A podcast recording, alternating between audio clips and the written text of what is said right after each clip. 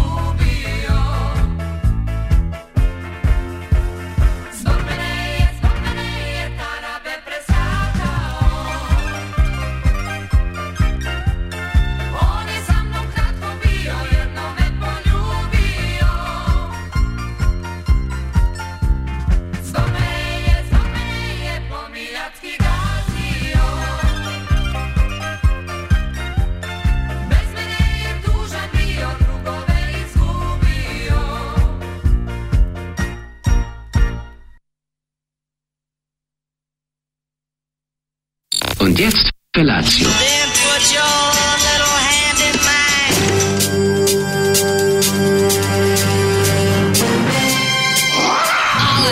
Grupa roznojenih mladića trči po studenom vazduhu pre zore. Alarm! Ima da kane, nema problema.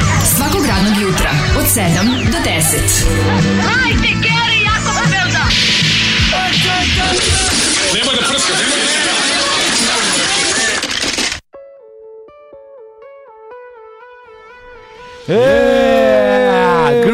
by Bon Iver.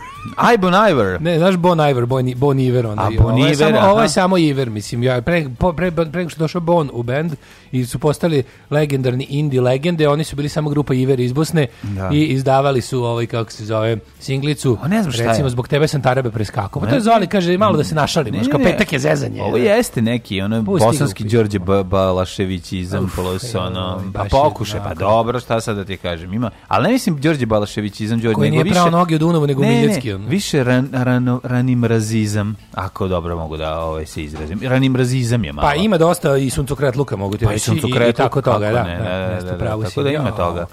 Uh, ove, e, pozdravite, ovaj kako se zove, pozdravite drug Đubre, kog dugo nismo čuli. E, jel nam poslala ovih poruka? ne znam, ovaj, kaže, a svaka čast na mlađina Descendants majici gledao te drug Đubre. A, hvala, hvala. I, hvala. ovaj, e, nego šta sam teo da ti kažem, nismo ga dugo čuli, plus ovog, ja nisam navikao druga Đubreta, dobijem poruku koju umem da pročitam. To je prva to stvar. Je, to je velika stvar. Dobro, da, da, da drug, drug džubri televizorom, vidiš ti šta se sve to izdešava. Da, 21. vek definitivno, čovjek je sa gramofona prešao na televizor i kasetofon. Ove, ovaj, um, Ajte, molim, Sultanović je odlično skinuo bosanski naglasak. Pozdrav iz Bosne. Jo, daj, nemojte me zajebavati. E, ku, e, druži, kurir koji je ovo poslao, to je naš insajder iz kurira. Trebaš mi nešto, aj se, a, a, sad, ću, sad, sad, da se čujemo, treba nešto da, mm -hmm. da mi, treba, aj nešto mi pomogneš, aj. Ajde što mi pomogliš. Ajde. Ajde da me kažeš nešto. Ajde, kako da ne, ne, ne mogu se derem se.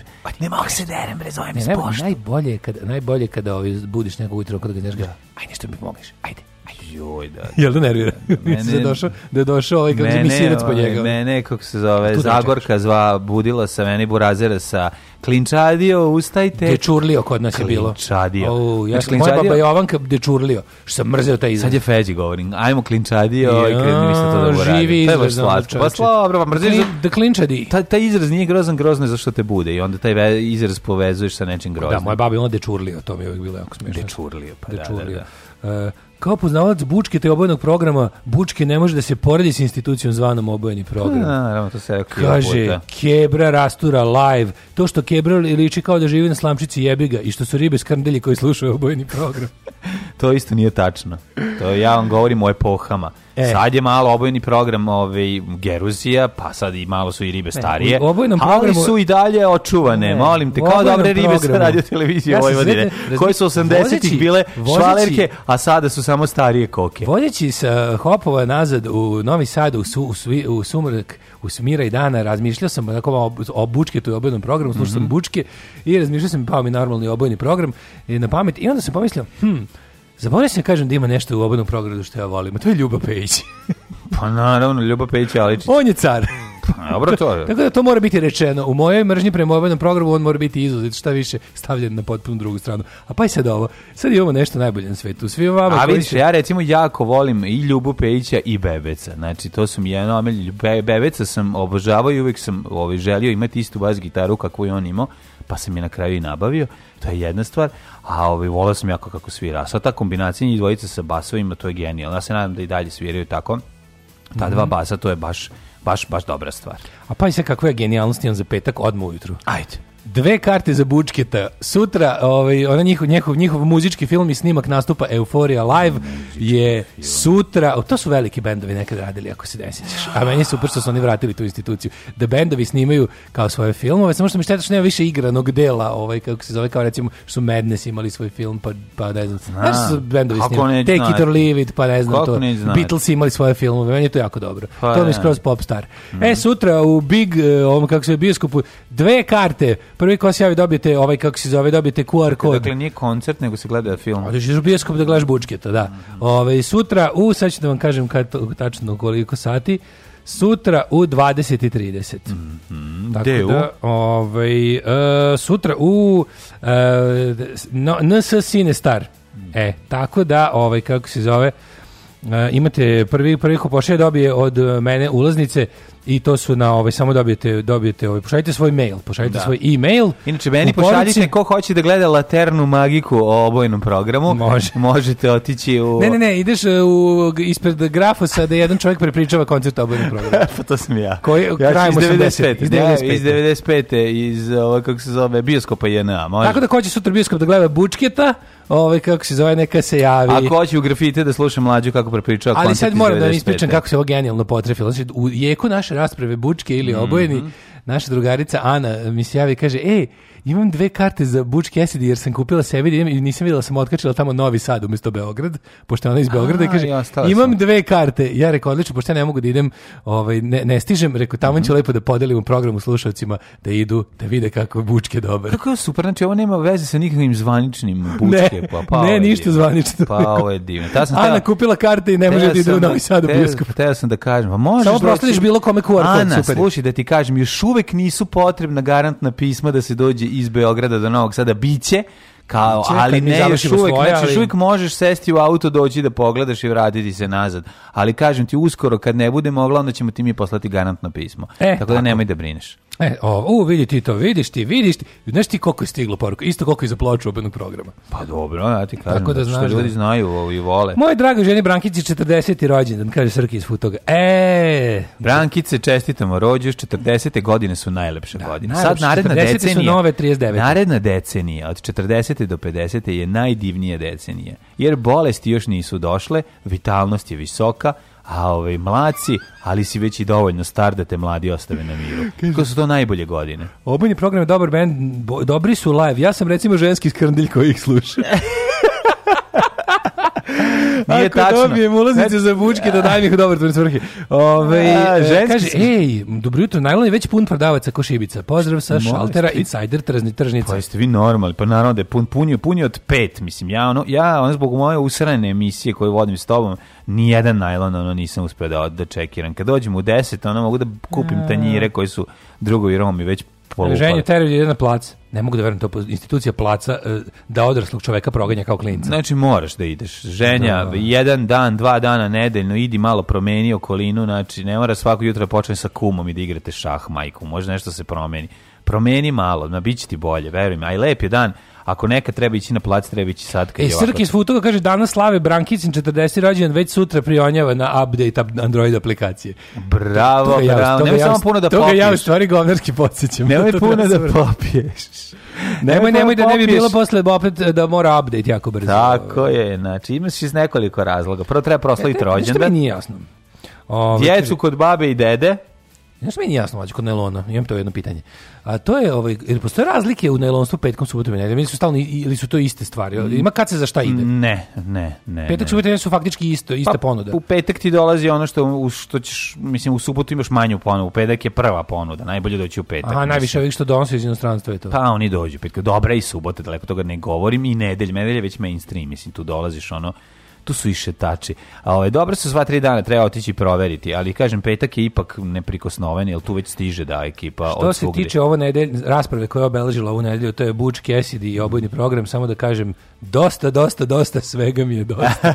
A, neko je boje izgleda, više neko, neko je fan i sestre Kebrine. Da, da, da. Ove... Ovaj- sestre Kebrine, to su kao sestre Baruđije. E, najbolja poruka danas. Poštovani, zahvaljujem vam što koristite MTS usluge i izmirujete svoje obaveze na vreme koliko treba da se plati? Da. Koliko je stigla računa? Ne, izmirujemo na vreme da bi se pohvalu što je plaćamo na, na vreme. da. što je to dobro. Da si vidio čoveče. Ove, ovaj, jako lepo ste izmrzili moj predlog, ali ste zbog priče previdjeli dve stvari. Prvo stih, tu su sve te mošti, tu je ljubim kivot i poruka za kraj uvek u budućnost gledaj. A pet minuta prava samo o kostima i precima. Da, dobro jutro, ja sam inače odlično počeo dan danas. Prvo što volim najviše na svetu je da u šorcu i ovoj majici sednem na bajk i pohitam, a onda, pošto sam krenuo malo ranije, no inače, sam ovaj, stigao da vidim da se otvorila nova pekara na mesto, ne pekara da se posvađao. A to je sad bilo. I onda sam, eh, ovaj, i onda sam pojeo jako dobar mali semlić sa, sa, sa pilećinom i, i stuko balans. Zašto sendvič sa piletinom? Piletina ne treba da u sendvič. Kako ne treba sendvič? Kako nije ne dobro sendvič ima piletin. Kako nije dobro, majko? Ne, ne, ne. Šta pričaš, čovječe, sendvič s piletinom, to sabave i brije novosadski. Samo što zove pekara Vuk. Na kakav. Luki Danica, pekarice Vuki i Danica. Kako da lepo začinjena piletina, koja ide sa... Ajde sa... reci do kraja, šta, zašto si da je tebi važno što je ta pekara počela da radi? Pre, pekara u kojoj sam se na krvi nož posvađao s prodavačicom je propala. Tako da treba kad se kače sa mnom. Ne kači se sa... A sa ovom se neću svađati. Srednje popularnim su... radio voditi. Da, ja, znaš zašto se sa ovom neću svađati? Zašto? Jer moja omiljena stvar, ja najviše na svetu mrzim da nešto nosim iz, iz, ove, iz restorana u kom se što volim da Ovde može sede da, da se jede. Ne, ovde nema opcije da se uopšte sedi unutra, pa je to rešeno. A, a ono je bilo, a, pa a, a nisu teli da koriste. Ono i to mene jako nervira. Vitač se videlo da se ne pere tanjir. Dobro, dobro jutro.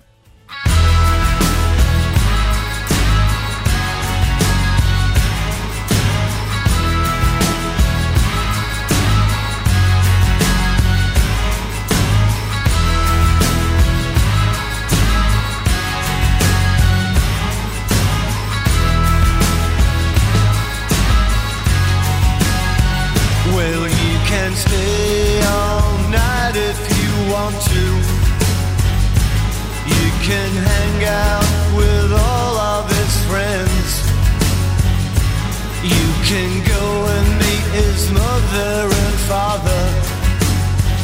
Mm, you better make sure that's where it ends. Cause baby, there's one thing that you gotta know. Let him read your palm and guess your sign. Let him take your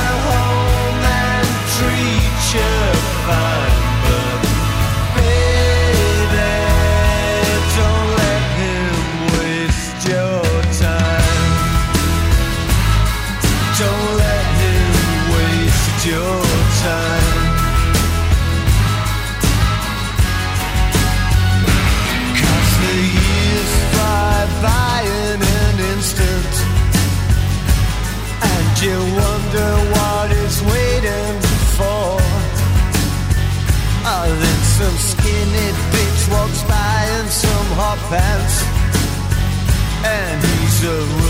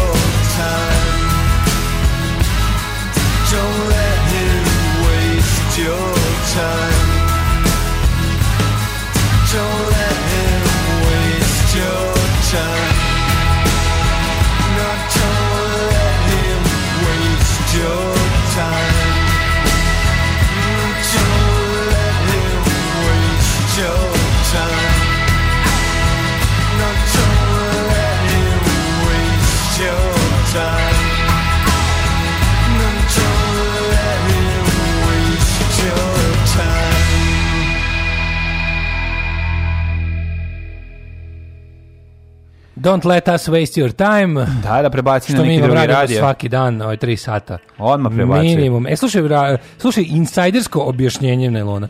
Nedeljom ima e, više nove robe, petkom i subotom je mnogo više polovne robe iz inostranstva. Nedeljom, kako je Nelon nekad radio, važi takozvane mesečne rezervacije, a petkom i subotom samo dnevne rezervacije tezgi, mm -hmm. kaže insajder iz mhm, tržnice. Mm -hmm. Dobro, dobro. Da, e, hvala sam dobro precizno. Ali ono koga šta nas zanima, to je polovna roba iz inostranstva, je svakako ovaj petak i subota. E, evo, ovaj, od, odoše ulaznice za bučketa, vi što kao da ih nikad nije ni bilo. Um, drugarica slušalica Ivana će se lepo provesti. Eto, Ivana. Ovaj, um, danas radimo izvoz uh, robe, tako da će biti jedan od njih petaka. Doći ću kući kao mrtvo tijelo.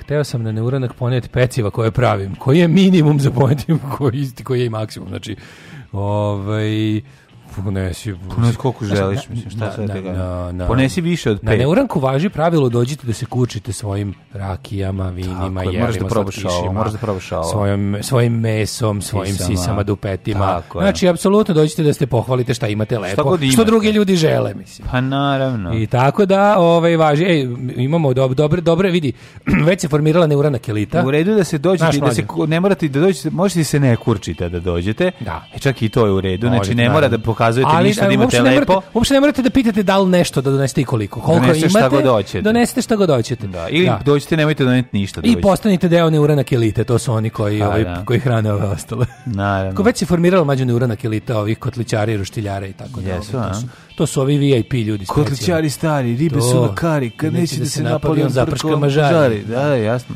Tako da to volim taj, ovaj, volim, volim, volim to, ovaj, kako se zove, će crvena buržuazija. pa naravno da se formirala. Kotličari stari.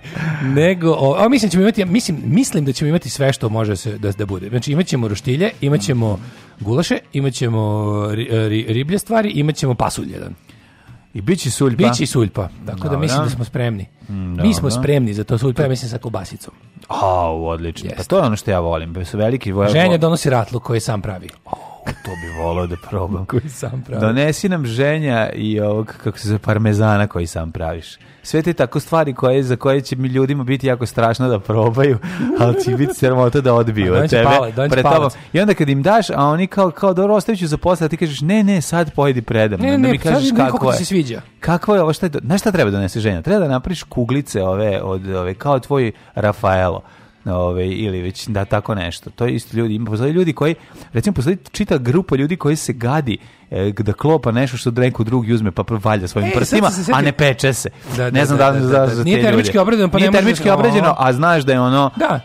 Nije mi toliko frka, nije mi toliko frka da no, kod je termički obrađeno zabole, da, možda pravi da čime. Da kod ne znam Znaš, kod, kod sumnjivog, kod sumnjivog i možda nepoštenog ovog ovaj, ugostitelja ne jedem ove ćufte zašto znam da ih je posle turio u vrelo ulje. Ma šta ispeko ih, da, možeš misliti da, da, da od na pravi neku vrljotinu koja se samo kao, kao izvoli. Vrljotinu, izvoli, sad sam izvrljao. da. Znaš ono. A onda pljune u ruku da pri sledeću. Da sledeću. Lepi mi se ovaj Rafaelo. A ovo mi se lepi ovo smesa. Znao sam da to oko pišam nju. to je dosta jako. Ovaj. I on, ajde pojedi što, pa evo zaposliću. E, a, što zaposle? Sad se sjetio tih takvih stvari kad, kao, znaš, kad uradiš to nešto kao iz kurtoazije ili nešto. Sad sjeti se kad smo išli da, ovaj, da poglasamo. Iz buržuazije. Iz buržuazije, kad smo išli da poglasamo da, da dam svoju moralnu podršku masin u MZ Ivo Andrić. Mm -hmm. Usput su klinke neke male, baš male devojčice bilo, znači, te kupite limunadu kao prodaju da, da, limunadu. Da, da, prodaju.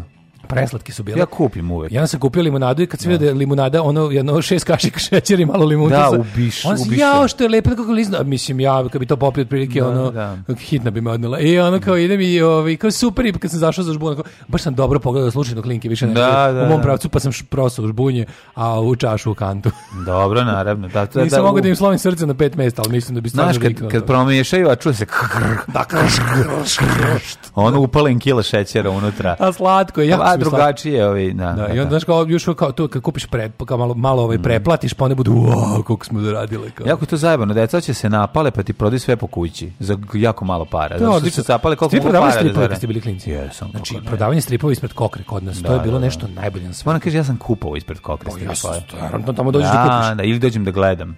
Kad nemam para e, da pa, kupim, onda dođem. Oni alkosi prodavali, kad su mm. takozvani kokraši kako smo ih mi zvali. Kokraši koji su imali psa Arisa bez oka, koji je bio najbolji na svetu ovaj, kad su kokraši prodavci, pa tu si mogu da kupiš tako dobrih stvari za malo para. Mm. Ovaj, ali najluđe je bilo kad je jedan put moj drugar se ono kao uzmano, ček, imam ja ideju. A ne, glupo je nešto što si ti kupio, platio nešto 1000 dinara, a onda dođeš, a mali to valja za 50, ono, znaš, malo možda te zajebe klinac u želji. napale, se, napale se da zarade pare, govorim ti sad u ovom savremenom. Kako smo bili smešni, dođemo, dođemo, nosi se jedan, ponese ovo, kako zove, da najlon ili nekog, da. neki, neki, neki pa- ovaj čaršav, i to ide dole i, na, na to, ide idu stripovi. Ali svi da. dođu sa svojim, sa svojim ruksakama. Meni bilo super, sam da. živio bukvalno 10 metara odatle. I onda sam ja, od, od mene se donosilo uvek kao, ajde idite po vode, ajde idite po sandviče, ajde idite po znaš da. nešto kao, ono, da, da, kao, da bilo šta se kod mene ide. I on sam mi se piše, ono, i kakim mi se, kod mene, razumiješ, pošto su ostali došli iz malo dalje. I onda je ovo... A ste ovaj- imali instituciju, množilo se, kotilo se, nije tad bilo ti sujeverija. Da. Pa nije bilo ono kao prve pare pa da se zalepi na čelo. Znaš kako nam je bilo omiljeno? Kada dođeš kao da malo odmrš, pošto stojiš tu kod stripa, uvek na smenu, ovi što kao, pošto nas 4-5 prodaju sve stripove, on ne znam, dvojica stoje kod stripova, a ovi idu na montažno stepenište od onog, od kokre iza da se ide u magazin. Tu smo mogu, da legneš čoveče. Bilo ono odmorište, onako postaviš pa nešto, ono. Ona platforma je bila, znaš. Tu smo, odatle smo ono kao... Lepota. Ali najluđe je bilo kad su ovi prodavali, pazi, tu bude po, po nekoliko nas koji prodajemo i onda se i menjamo stripove. Znači, nekad mhm. odeš, nekad odeš kući s više stripova, nek si da onda prodaš. Da, da, da, Ali je bila fora kad prodaju kokraše ovi motorci, to su alkosi. I onda moj jedan drugar kad je teo za neke stare brojeve Zagore, rekao, kao, koji traži ne znam koliko, i pitao lik, a mogu da vam donesem vinjak? Ja bih rekao, može. I otišu po Ćaletu Vinjak, otim da. drpio Vinjak i uzo nasilje u Darkwoodu. Je. O, jebito, da. Tako sam ja vidio. Meni je drugar ove... Ovaj, može omo, Vinjak, koji, drugar, naravno da može. Omer koji je ove, ovaj, dolazio... Da mogu da iz... da popijem Zagora, popio bi ga. Ove, ovaj, moj drugar Omer koji je ove, dolazio leti kod dede i babe, inače iz Teslića, kod Tešnja, je ove, mi je otvorio dedinu garažu da mi pokaže Texov, prvi broj, četiri, oh. prvi broj zlatne serije, oh, četiri oh. obračuna. Četiri obračuna. Ja, da i to kad sam video, znači, znači kako je, je to prvi bio. broj zlatne serije. Tex da? je prvi broj. 68. ko je to? Po pa verovatno da je deda kupio. Strava, To je deda kupio, je deda da čita, znaš, kad je deda kupovao, da. Strava, nego što se juče. Juče bio jedan onako interesantan dan, zapravo sam ovaj, do dva sata spremao teksta za glumca, po, glumcu poslati i to je bilo ovaj, najteže i najbolje. Glumci, ovaj, glumci su super. No, da Su odlični, znači, znači, glumci su odlični, da, da. Što bi rekao jedan veliki reditelj, najviše ne volim, ne volim da radim s glumcima. To je rekao čuveni reditelj, to mi je jako, da. to, to mi je jedna od najčuvenijih izjava da. ikada. Znaš, imaš onih nekoliko izjava tipa šta je rekao, za glumce ovaj, Hitchcock, pa šta je rekao, ovaj šta je rekao, ali šta je rekao novosadski reditelj koga neću imenuti, je koji je rekao rečenicu kuvenu, čujno, ne volim da radim s glumcima. To je, to je potpuno genijalno. To, to, je stolar koji mrzi drvo. To, to je, je stolar koji mrzi drvo. To je pekar koji mrzi testo. To tako, je, to je poslastiš koji ne voli šećer slatko, da, i da, tako da. dalje. To je, to, to je, ovaj, ne znam, to, to je kao da si, mm, da si da si alergičan na životinje, a da ih lečiš. Eto, da, što je to otprilike to. Odlično, je, odlično. To je ta varijanta, ali što je jako slatko. A, tako izgleda dan e, nakon toga, nakon tog teškog dana i kada su tekstovi otišli na sent i kada sam ja otišao u Sent Files da vidim da li su i zaista otišli. Sent Andreja. Pro, da, proverim, da. da proverim da li su zaista otišli da mogu da se, ah, onako lakšam. kad Andreji šalješ nešto, da, u Sent, Sent Andreja, Andreja to, je, da. mislim, da. to je najlepše. I onda sam seo i ovaj, malo odmorio, popio kinesko pivo. Koje sam kupio. Cink Tao, šta si uzeo? Kupio sam neko Queen, da, ne znam, možda je Cink Tao. Ja sam imao Cink Tao dok sam mlađen student bivo kad striko donese iz China Airlines. Ovo nije Cink Tao, ovo je neko, nemam pojma kako je. A smo ubijali od toga, majko. Pa ja nisam se ubio, ja sam uzeo da probam kako je, ono, i sada ovako kad su jako velike vrućine, baš mi podgovara to vode na stopivo, da ono popijem jedno. Pa to jesi video ovi. Da me ne udari previše. Jesi video ovi što su Budweiser kao rekao da će ne znam kao ne znam, četvrt, do 4. jula se proglašava uz valjda ono pobeda nad pandemijom tamo mm -hmm. i onda će mhm. biti da li će biti, da li, će, da li ima neke veze sa NFL-om ili nisam dobro razumio, nisam preslušao, ali uglavnom da će, da će na taj dan, da ne znam, na svim ono, utakmicama biti besplatno Budweiser pivo. Oh, I onda je ovaj, ovaj majster, ne, ima neki, neki poznati zlojeb od tih trenera, rekao, da, to je jako dobro, jer važno je kad je tako toplo piti vodu. da, da, da. da, da, im se, da, im se, da im se dodatno zahvali što će dobiti besplatno pivo. Ali je važno piti vodu kad je jako toplo. Dobro, li odgovaraju, mislim, da mi kažeš, gde ćeš da, ovo teško. Sjeti se mog, ove, ovaj, moje greške ne koje znam, sam počinio. Mladi, ne, ne znam kako će biti toplo na Neuranku, ali tamo će se tući, znaš, kraft pivo. Dobro, samo krafting, pa zato vam kažem, možete voditi računa. Možete pojeti vodu da razredite. Pa ne da razrediš, nego da vodite računa kad brojite koliko ste popili, pošto kao što sam se ja zajebao, pa sam popio ono što je bilo 8% a ja sam ga pio kao da je četiri. Da, ja sam znači, juče ona može da te prevari. Može da prevari pa da udari.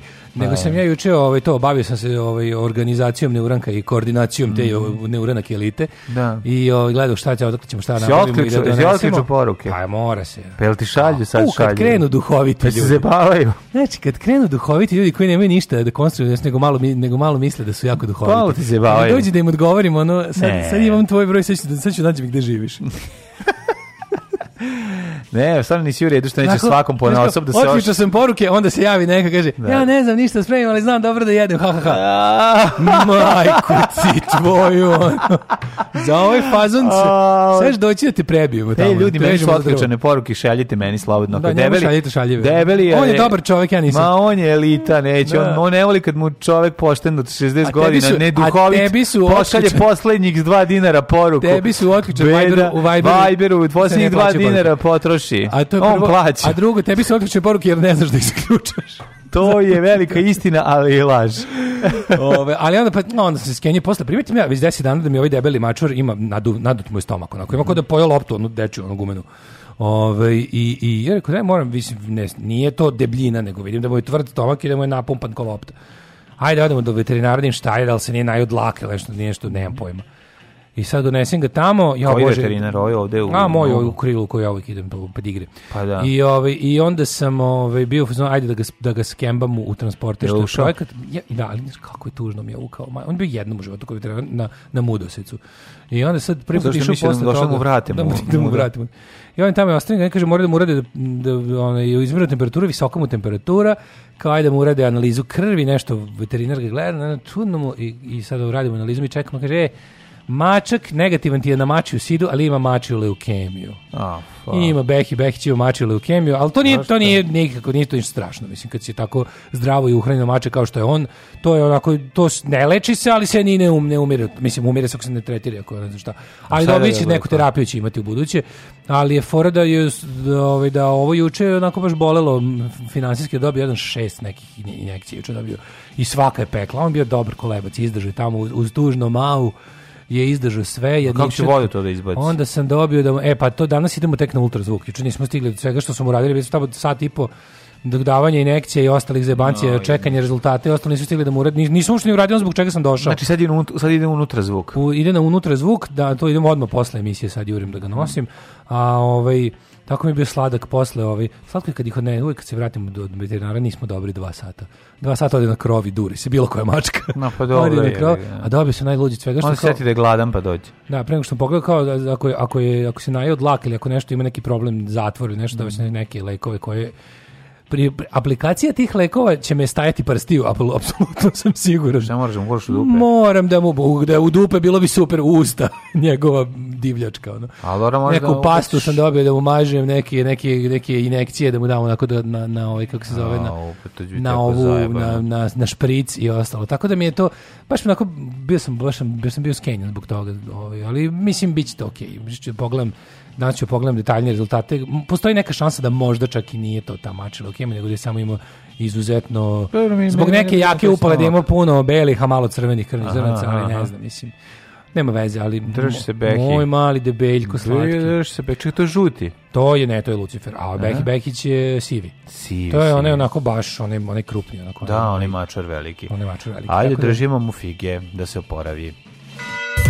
Alarm sa Daškom i Mlađom. Jutarnji program kog se stidi i vlast i opozicija. Alarm sa Daškom i Mlađom.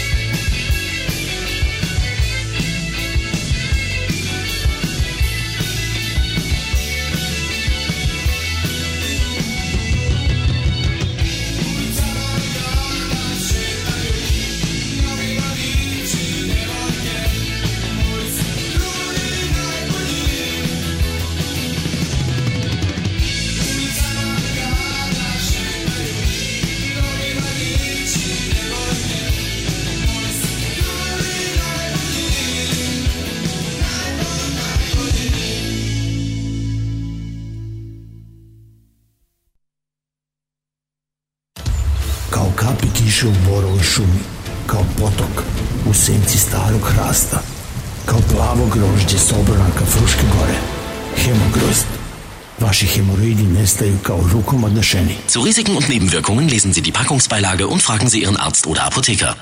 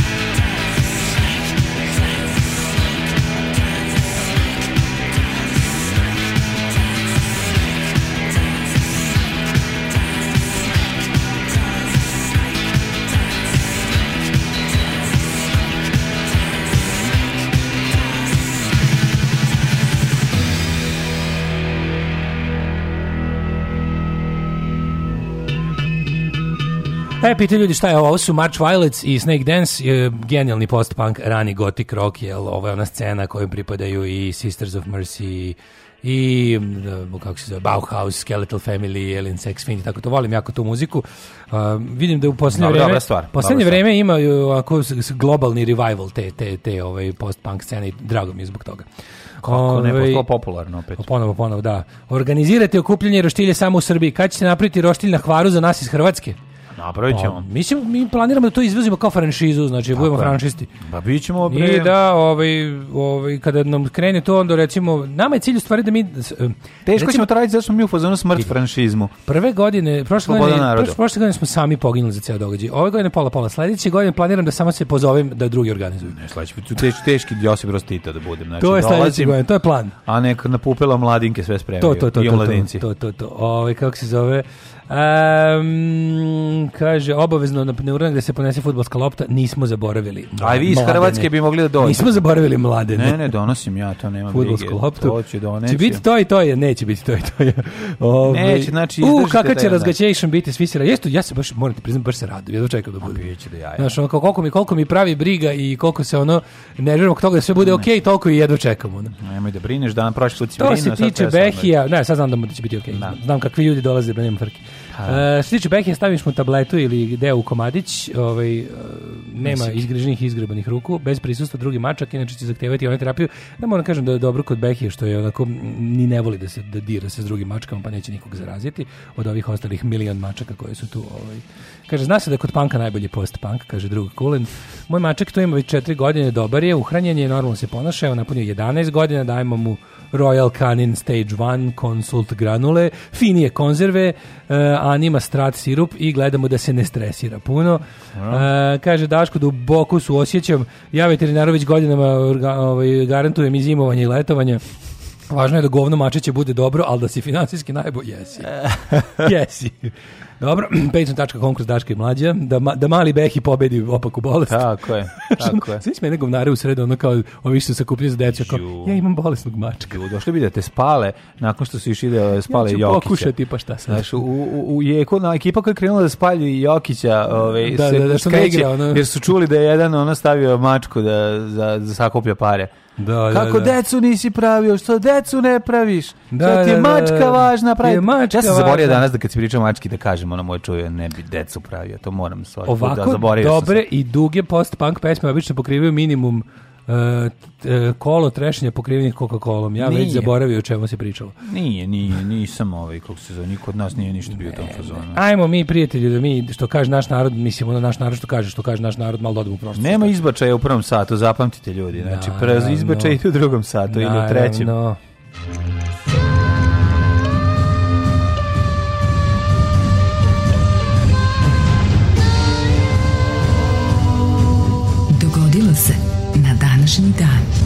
18. jun, 169. dan godine, do kraja godine imamo 196 dana. U, viš ti kakav ovi zanimljiv eh, raspored cifara. 169. dan, a 196 dana do kraja. Mislim da je to slučajno. Um, Misliš da je to da, slučaj? Da, to je sigurno, mater, ja mislim, to, to je sve dvor. To je sve pravoslavlje. Sve dvor. To je sve pravoslavlje i misticizam. I sad ću ti reći e, ovako. Ja sad to kad je, kad je, kad je princeza to Dejana, je pa samo smo čuli teorija zavere na klupi u centru bilo, to je sve dvor. Što je najbolje deda bio pravo. Pa da, da, da. I deda je nekad upravo. Kad je deda lont, I matori ume da pogodi. Povao. I matori ume da pogodi. I matori ume da zabavi. Mm. 618. godine, godine na kom počinemo istoriju, imaš nešto bolje? Um, nemam, 618. Mm -hmm. mi mhm. moja počinje. Evo ovako, d, Li Yuan je postao car e, Goazu od Tanga, čime je započeo tri veka vladavina dinastije Tang, Kosokova, koji su se razređuju. Koji su se razređivali u SFRJ. stvarali vodom, to je bila suva masa. Velika radost je bila moja ovaj, kad mi stigne suva masa zvana Kako Tang. Kako pije Tang? A ja otvorim, znači, hrš, znači zvuk cepanja tang? kese Tanga veliki, sipanje u plastični bokal i rž, rž, tang je bio rž, mešanje. Tang kombinacija naranđe i manga. Ne možeš dočekati. Takozvani tango. Ne možeš dočekati da se ono otopi taj šećer, nego ga piješ dok se još pod zubima čuje šećer koji se nije otopio. 1155. pa pa Jer je leto pa si hteo hladnom voda da staviš, a hladna voda ne trpne, ne topi šećer brzinom koju si bi ti kao dijete želeo. 1155. Papa Adrian, Padre, Papa Adrian IV. Mm -hmm. Koronisao nemačkog kralja Fridrika I. Barbarosu. Koje godine si rekao? 1155. Aha, Za rimsko-nemačkog cara. Jeste. 1429. Francusko vojsko pod vojstvom uh, e, Jovanke Orlenke i vojvode od Alensona napala i potukla u bici kod Pataja. Pataja u ratu Engleske trupe koje su se prevlačile posle neuspele opsade Orleana. Kako su oni stigli do Tajlanda da se potepaju da me ubiješ? Nije znam. to Pataja Beach. Ovo su Ovo su me, ove poslednje faze ove, kako se zove, stogodišnjeg rata u Francuskoj, kada su Englezi na kraju izvršili tem što su na Englezi nogiranim iz Francuske, ali ono što je interesantno jeste da su u, na, u prethodne dve velike bitke, u koje je britanska taktika ove, razvalila Francusku. Razvali pa vladaj. ne. Taktika. Nego što je bilo? Francuzi imali teške vitezove ritere kojim bi se zaletali na protivnika, a ovi su im dokali na taj način što su imali organizovane e, duge strelce sa velikim dugim lukovima, e, tako je, međutim, kako bi oni usporavali ovaj, nadolazeće pancere ove vitezovske?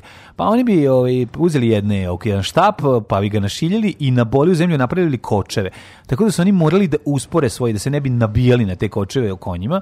A i ovi brati bili njihovi strelci znali dobro gađaju, znali da gađaju sklopa. Znali su jako dobro gađaju, kažem ti, znači čim ovi uspore, ovih drže na distanci, izrokaju i tako su ih masakrirali i u prethodne jedne dvije bitke i kod Kresija i kod, kako se zove druga bitka, Živolo. Azenkura. Znači, kod Presija i Kresija i kod Azenkura su ih razvalili. Međutim, šta se ovde desilo? Ovde se desilo to da, ih je, a, da su ih Francuzi uočili prije nego što su ovi uspeli da naprave pripremu i da na- naprave te svoje čačkalice i da, Da, ih da, da, zaustave. da, da. Tako da su ih izgazili i pobili im sve strelce. znao da zaustavlja ti, ti pa koče. Znao kako ne, pa i konje zaustavljaju, zar Zar ne? ne? Je film iz srednjeg Sve veka. taj slao ono, jesi ti slao onu caricu, neku presmešnu ribu na Twitteru što pravi tako neke te kratke klipiće što je pravilo ono every French person što se zahvaljuje za, za kad dobije Oscara. Ona univerzalni ah. govor svakog francuskog. Čuo sam, to, to, je, to je funny. Toliko smešno, ja se gušio od smeha. Jeste, jeste. Leksisenka da. iz akademije, meni pipila, zebite ovakvet, in eh, Julien, eh, Julien, Julivre, kako je da lupetala, jako koliko je to smešno. Jako je funny, a još je svešniji da, kao ljudi koji kao, jao, smešno ti je ono, jo, kao vi, ono. To je presmešno. Pa presmešno, super uređeno. Collaborating with many people, I had to, eh, oportunitete u Vakvit. To je, fran, to je, to je francuska, to je francuska verzija ono beogradskih priča, razumeš, to da, je to. Znači, dakle, Ubet, napravila je dobar, ov, ovaj, dobru verziju koju ti možeš... napravi mene, pa kad više pa nema, ti nisam sam kreći... Kome se sve zahvaljuje? E, hiljadu... Uh, e, 583. Sa, počinje e, doba savremene prevare u financijama, jer je izdata prva polisa životnog osiguranja u svetu. Ove, ovaj, u Londonu na današnji dan. Pazi, u 16. veku su osiguravajući društva, ti stubovi modernog, no. Da. moderne finansijske malverzacije. 1812. Kongres je američki držav svoju deklaraciju i objavio rat Velikoj Britaniji. Yes, they did. Drugi rat sa Velikom Britanijom koji mi zapravo malo, malo znamo, a što smo videli, videli smo iz serije Tabu. 1815. je bitka kod Waterpola, mm -hmm. u kojoj su udružene britanske i pruske trupe pod komandom britanskog i pruskog vojskovođe Wellingtona i Blihera konačno potukle Napoleona Bonaparte i označile kraj Napoleonovih ratova kad smo kod ovog moga ovaj, upadanja u povijest četvrtka, moram kažem da sam juče slušao epizodu o frakciji Crvene armije Noviju, mm -hmm. gde je uopšte bili, bili su drugi ljudi ovaj čitali. Jako sam se zbunio. Pa nema, ovi su možda možda malo umirili. Jako sam se zbunio. Nije mi to ponoša, sve sam se razbudio. Ne, ne, ne, sagovornici su bio kao i uvek kad se radi o terorističkim grupama, uvek je bio ono, ono što mako malo priča kolozanski. Da, da, da, I oni su biti bili u stanju kontrolirati čitavu jednu, znaš šta je malo, da, malo, da, malo da, urednik tjednika danas, ali ovi kako se zove, ali ovi narator onaj nije bilo u knjizi pa John Hagin Swart piše. Pa ja mislim nije bilo toga. Da to Kujundžić govori. Pa toga nije bilo pa mi je falilo, pa se skenjao. To to Boško Buha govori govori. Da, da sam se, niti je bilo njega, niti onog što čita odlomke iz knjiga, nego je bio neki onako... A moguće da su neki obični, bio, e, ne znam, bio neki to, mnogo običniji glas koji mi više liči na, na ovog nekog što čita vesti na, na, ovaj, na hrtu. A, a, zapad a sve mislim da će krenuti da priča o Plenkovićima i Milanovićima s tim aha, glasom. Aha. Meni treba onaj glas iz, iz Treba onaj treba glas iz povijesti. Ne mogu ga zaustaviti, ali to ga mogu ubrzati. A, 1817. E, vidiš... He-Man, spasao si dvonac Iva Lubanja, ali si uništio sebe. A ko će izdržati još mjesec dana? Do... Ja sam mislio do da 26. juna premijera novih mastera, sam do 26. jula. Trebali su ga napet za video do 28. juna, da e, da su sad, pametni. Sad, Kako bi dobro bilo da, da Grace na, Cal na, na Eterni to ništa ne znači. To ti Ovo, misliš. Ovaj, nego, imam, e, imam, Kako imam, imali pravoslavnih na Eterni? Kako nema, imali ovdje pravoslavnih vernika. Pravoslavni na Eterni su dosta, ovaj, su propatili pod hordakom. Jeste mogli su vremena da kupite limited edition siva ćela, kako se zove, plakate na, u našem našem šopu. čekaj, čekaj, kako se zove horda kao planeta? E, Eterija. Eterija, da. a ova je Eternija, je li tako? Eternija, da, da. Ove, tako da... Ove, ovaj, ne, nego zanima me da li pravoslavnih pa bilo na Eterni da ili da na Eteriji. Sveća da smo imali limited edition grafiku ove, kako se zove, masterse, ove velmože svemira. Velmože sa, svemira, sa ovim, da, sa, da. sa mošturom i ostalim. Sećam se, sa ljudinom. Sećam, sećam. Sa ljudinom i ostalim. Pravoslavne masterse smo imali. Čovjek oružje! Čovjek oruđe! Šta sam ti teo kasnije? Super mi što se zove. Ali mi moram, Srbi morali imati novi... samo odbrambene masterse. Naravno. To su mastersi koji odbrambenator. Himen nikog nije napao. To on Himen nikog ne napada. Srpski da, mastersi da, su uvijek samo branili. Nego sam da, da, da, ti kažem da je ovaj, su super što su, super što su uh, Kevin Smith koji je radio nove masterse je napravio, pre toga su radili među fanovima na tim sajtovima starih mm -hmm. mastersa su odradili veliku uh, globalnu anketu omiljenih likova mastersa. I onda mhm. se oni malo više bez, uh, u odnosu na prvu onu staru seriju će biti tih nekih likova koji su možda malo bili obskurni u crtaču mlađu, ali su bili ono favoriti fanova. odlično. Tako da, da. na primjer, i primetio sam i da Triklopa, da primetio Znaš ko je Triklops? Ko? Triklops je Henry Rollins. Ne se. A, da glas. Pazi, Triklopsa su stali. Da, da, da. Mermena jako, su dosta Mermena bilo dosta u crtaču, ali Triklopsa je bilo malo. Reći. Da, da. Dobit će da. mnogo više ovaj vremena. Da, Hordakova banda je bilo malo. Znaš, pa Hordakova banda nije bila uopšte u crtačima o Himenu bila sa Širom, da. oni su na drugoj planeti. Da. Samo kad bi He-Man bio sa svojom sestrom, bliznakinjem Širom, onda bi bio i Hordak. Da li postoji neka incest verzija u kojoj je He-Man sa svojom sestrom? Ima Step He-Man i Step Šira, ono Aha. se na, na ovom, kako se zove, na, na, na Pornhubu se, ono, glance mačeve. E, 1817. Incest. Na I gospodari da. jebanja u porodici. I gospodari, I gospodari guženja u familiji. ja sam Adam, princ Eternija. Ovo je moja sestra Adora. Svaki put kada se kamera isključe, mi se dovatimo. Jer brat, sestri, najbolje smesti. 1817. Incest. I gospodari guženja u familiji. U Londonu otvoren most Waterloo Bridge preko Temze na dvogodišnjicu bitke, vidiš. Da. Mm -hmm, mm -hmm. A ima i Waterloo Station, čuvena po tome što je tamo bio najveći okršaj fašista i antifašista 92. Opa, Znaš kako je to bio fight? To je bilo ceo, znači zatvoren je bio ceo sistem podzemne železnice jer su se ono sukobili to je bio pokušaj onog benda Screwdriver da održi koncert u Londonu posle nekoliko godina i nije uspeo. Tako, 1839. osnovana je prva beogradska gimnazija. Sećam se te stare prve e, beogradske gimnazije. To, to, je samo, to je samo krem Beograda bio. Znači, stari Hadžičika Pop, Hadžičika Znaš ko je bio prvi? De, baba Ljuba je predavala a, a, baba pop, prirodu. Hadžičika Baba društvo. Gospodar Pop, Deda Luka, Jeste. pa je onda bio Čika Marko Hadži, Nicović je, pre, pre, je pre, predavao državnu bezbednost i pa fizičko. Hadži Gospodar, Čika Baba ovaj, kako se zove, Hadži, uh, prodan, Jest. ne duše. ne prodan, ne duše. A, ovaj, pa onda nemoj zabori, Goran Sultanović je, pro, je predavao stari Beograd.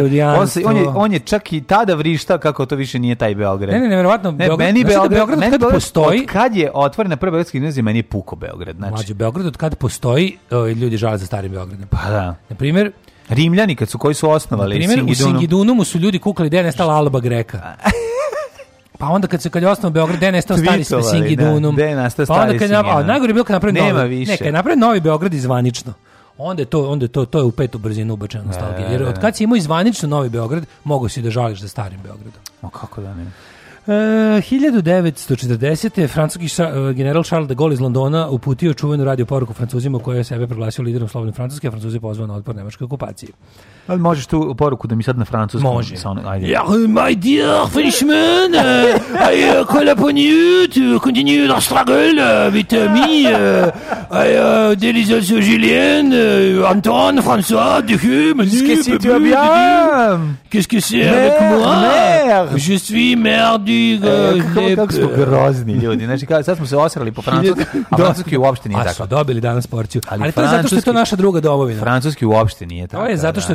naša da. druga Mi domovina. Mi seremo i po prvoj domovini Srbiji, a seremo i po Francuskoj. Moramo po drugoj. Moramo ali po drugoj Jeste, domovini. a na, na te isti taj dan dok je ovaj pozivaju da se bore iz, iz Londona, Francu, Nemci zauzeli luku Šerb, Šerbur. Šerbur. 1953. proglašena Republika Egipat.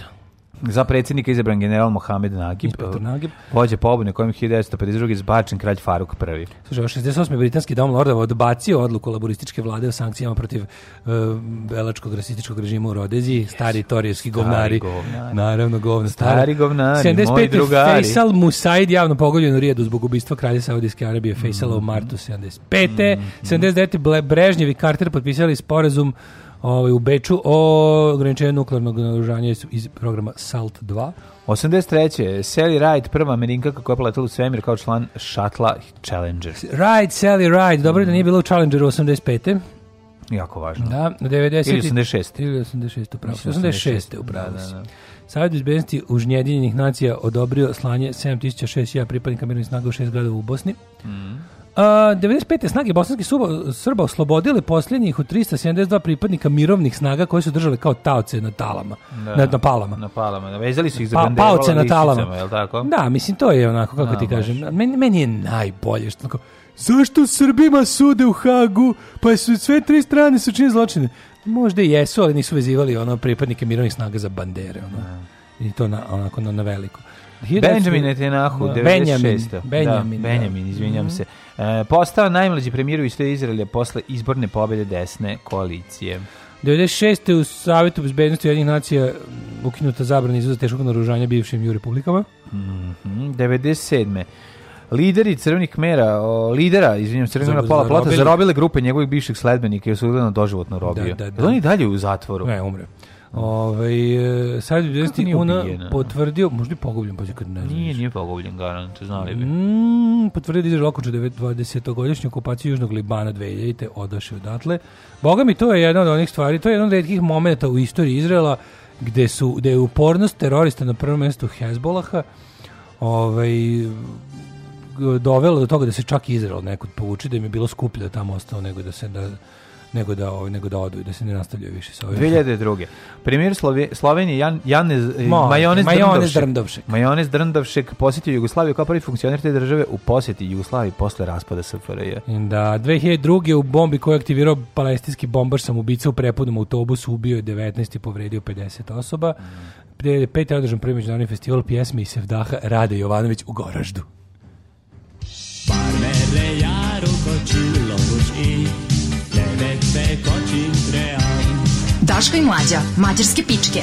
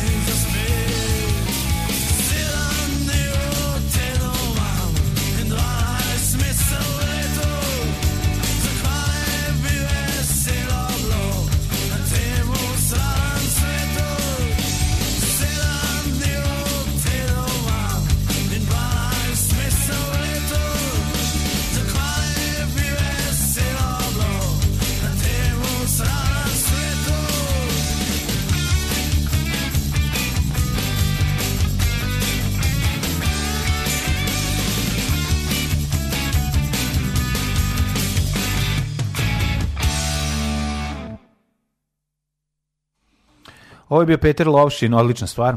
Obožavam Petra Lovšina iz Pankrta čekaj, nisam uopšte stigao da vidim uh, e, poruge. Baš, je dobra stvar, mislim, baš je. A on je brecar.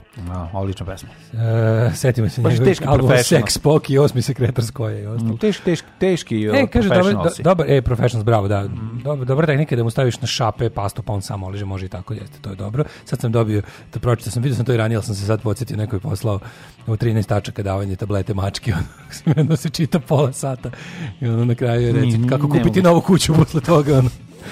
Ove, uh, A, kaže, može li masne gibanice, jel to je jelo poželjno ideološki? Vidite, vi morate da znate jednu stvar, to je da mi smo uvek imali koncept borba partizanska prehrana četnička. Ha pa da. Mi se nikad nismo zalagali napako za partizansku iskrenu. Ni slučajno. Kad, ne, kad budemo skroz osiromašili, kad Patreon bude bio 2 dolara cela mesečno, onda vas zovemo na pravi partizanski neuranak, gde ćemo se hraniti partizanski. Za da. sada mi smo u stanju rane Ješćemo 41. Četnike raz, mi, mi idemo, naše moto je uvek bio borba partizanska, ishrana četnička. Tako je. To zapamtite. Tako da gibanice dobrodošla, da, sve da. što, sve što pravite slobodno. Nikad partizanska ishrana naopako. Mislim, to nije, ne bi ni najgore neprijatelju poželao. Majko moj, šta vam je? Ove, Vučićeva taktika ne vodi pa vladaj. Jo, majko Mila kaže, ja pozno znam da ste slušani svakog jutra u jednoj bar veterinarskoj stanici u Bačkoj Palanci, pa vi, vi e, eh, pa ti vidi gde ćeš da vodiš mačke. No, ovaj, ljudi, znate da među nas i TV trenerski stanice ima na 50 km. Pa dobro, ali koliko košta? A slušanje, a slušanje, koliko košta inače ovaj... A mlađe, slušanje mačijeg tužnog maua dok je u mm, transporteru no, kolima, je to, to boli duša, čovječ. Pazi, ovdje onda izvezem 400 metara, ono kolima, pa, pa mi ono bude... E, to, to, mm, to su da. takvi zvuci. Nešto tuga jedna. A dobro, niko ne voli da je zatvoren. Mislim, Kaže, svoje volje. Key and Pili, French, French restaurant sketch da pogledate na YouTube-u. Jo, kako su Key Sigurno sam pogledao, sam pogledao sve, ali sad ne mogu da ih setim. Key and Pili su bogovi. Da. Sve je dobro što su snimili. Znači, odlični su. Mm -hmm. ovaj, ajmo malo sad po šveđanima. Dobar je i ovaj, ima po, po, po, ne, ti si rekao da izgleda neki njegov film gde on neki horor da nije baš nešto. A, pa zove se, kako mu se zove ovaj? Nisam baš nešto. Others, vidio, tako? Ne, the, ne, Get Out. Get Out. Get Out, mislim da, da. Get Down! Get Out, a drugi moj bio... Get Out and Kako se zvao onaj drugi, jebote, upravo si onaj drugi. Ima neki horor kad se on, onaj, ona druga porodica se pojavi sva van zemaljska. Da, da, da, oni duplikati oni. Kako se zove taj jebote? Pa da, da. Može da Dijadrus upravo, nije Dijadrus. Nije Dijadrus, Dijadrus Niko Kidnem. Ovo je, da. a isto neko ime ovaj, koje je sto put viđeno. Kao ja sam gledao samo trailer i bio mi strašan.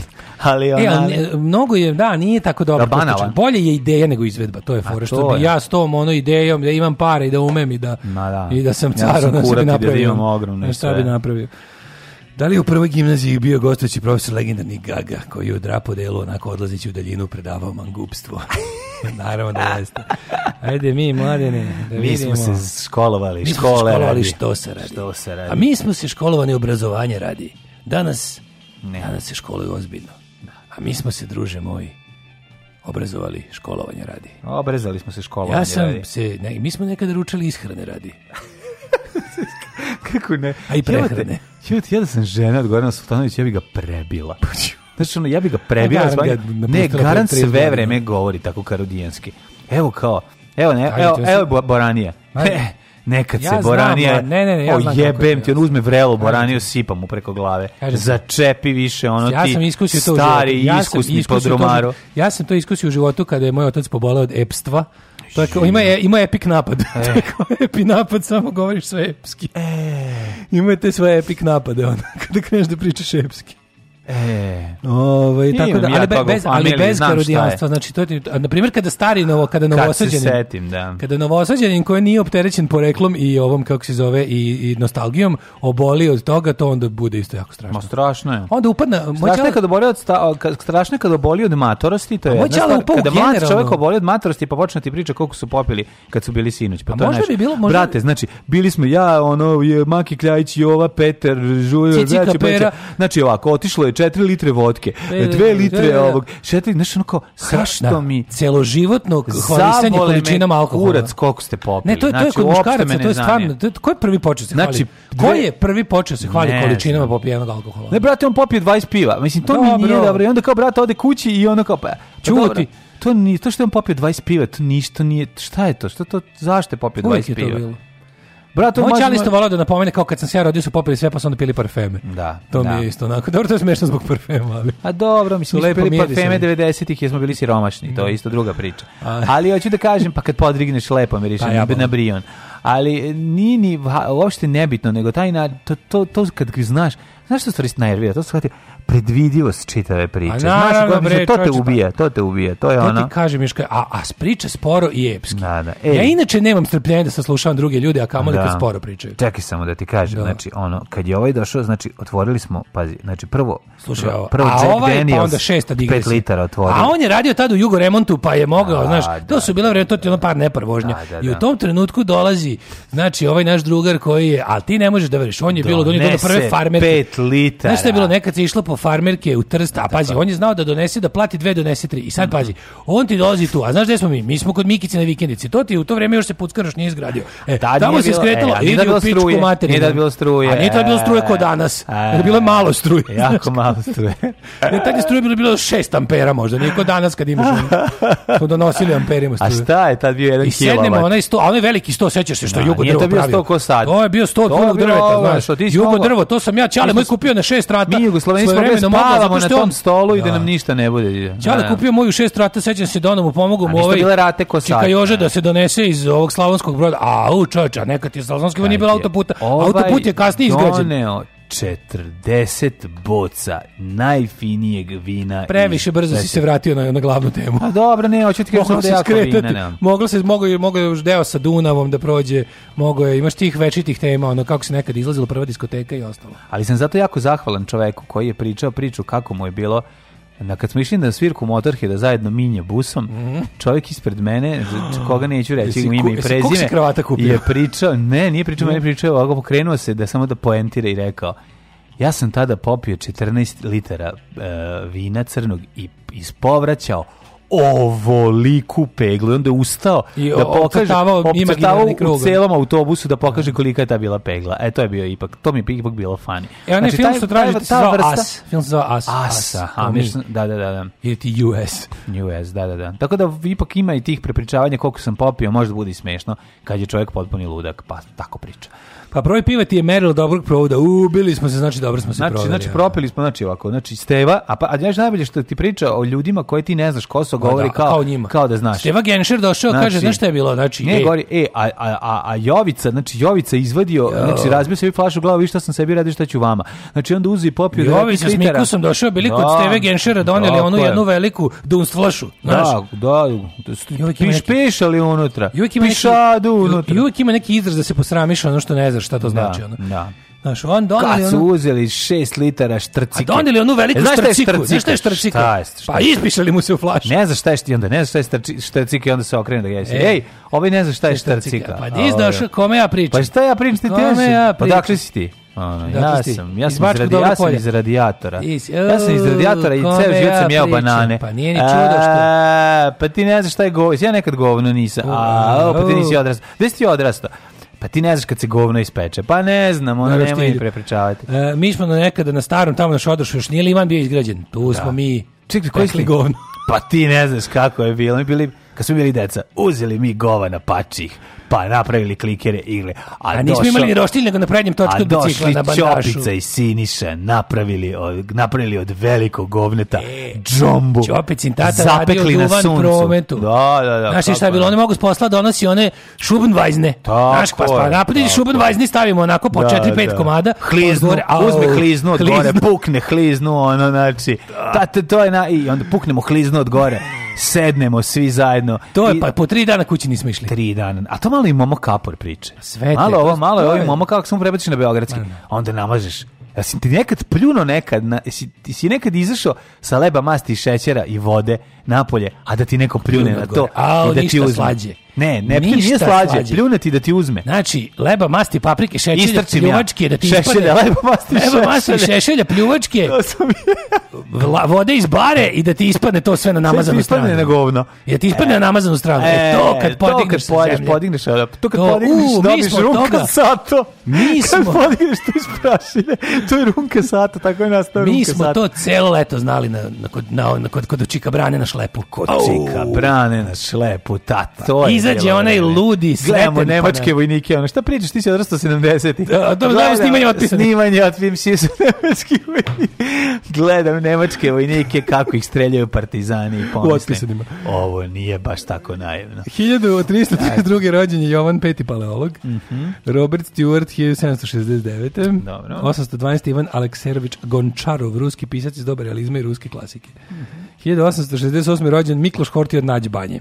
Jeste, e, admiral. mađarski admiral, a kasnije kad je ostao bez mora, što je izuzetan peh, je postao politički Znaš lider. Da on prvi regent, pevao, regent, mog mora nema i ne znam šta da radim, a, da, neki da, da, mi kažu da. ni na Dunavu nije loš. Pa on je, mislim, malo poznato da je da, Balašić da, da. od Horte uzeo pesmu. Ide od Horte, da, to je to. Ega veđa, hanavara, izgovaro, delvide ko 64 županio, je išla pesma. I onda je ovaj, on tu, da, onda je to, da, mislim, Balašić prepeva. On je zapravo prvi, ovaj, poneki admiral možda ostane bez flotile, ne, bez ali bez, ali bez, bez, lade. bez ladje, da. ali bez mora, trijanonskim sporazumom to je izuzetan peh. peh. 1882. rođen. Škortija, kako ide, sa rukom u džepu ima neha, ili kao Balašić u beloj majici da, da, da. i farkama i peva. Mog Panonski mora fašist. Nema, I ne znam šta da radim. 1882. rođen Georgi Mihajlov Dimitrov. E, Georgi Dimitrov faca. E, bugarski revolucionari državnik. Da, a povremeno iskače zvuk Bogdan viče žaba! Žaba! žaba! Žaba srce bez tebe ne može. Da, da. 1886. Eduard Daladier, francuski političar. Mm -hmm. 1901. Ne znam kako se stigao. 1901. Aha. Da, Anastasija Nikolajevna, najmlađeg čer ruskog cara Nikolaja II. Da, verovatno je stradala, ako se ne varam. 1918. Franko, 1924. Mhm. prvo Franko Modiljani, a zatim i... Uh, George Majkan, američki košarkaš i košarkaški trener. Majkan. Da, čuo sam band Majkan. Majkani. 1930, Majkani, da. 1938, nisam slušao. Ma, Michael Sheard, školski glumac. Znaš školskog glumca? Ne. Michael, Michael Ali znam 42. gospodina Serem Jamesa Paula McCartney. A, samo Paula McCartney. Moj omiljeni Beatles, ovo je najveći govner. Dobro, jeste, dobar je Beatles bio. Da. Dobar, dobar, dobar stvaralac, ali da. Moram da priznam da mi je carski kod njega što on, e, isto kao i Springsteen, ima tu foru da nikad nije odustao od kopanja i pravljenja nove muzike. Pa Dobro, I da. mislim, kad sam vidio da on ima, jebate, on i oni, ste slušao The Fireman, to je potpuno ludnica. Fireman su on i Kako Youth iz Killing Joke. Fireman. Znaš, kad bi rekao da će neko iz Beatles iz Killing Joke a imati zajednički band? Da, no, dobro je to. To je super, da, da.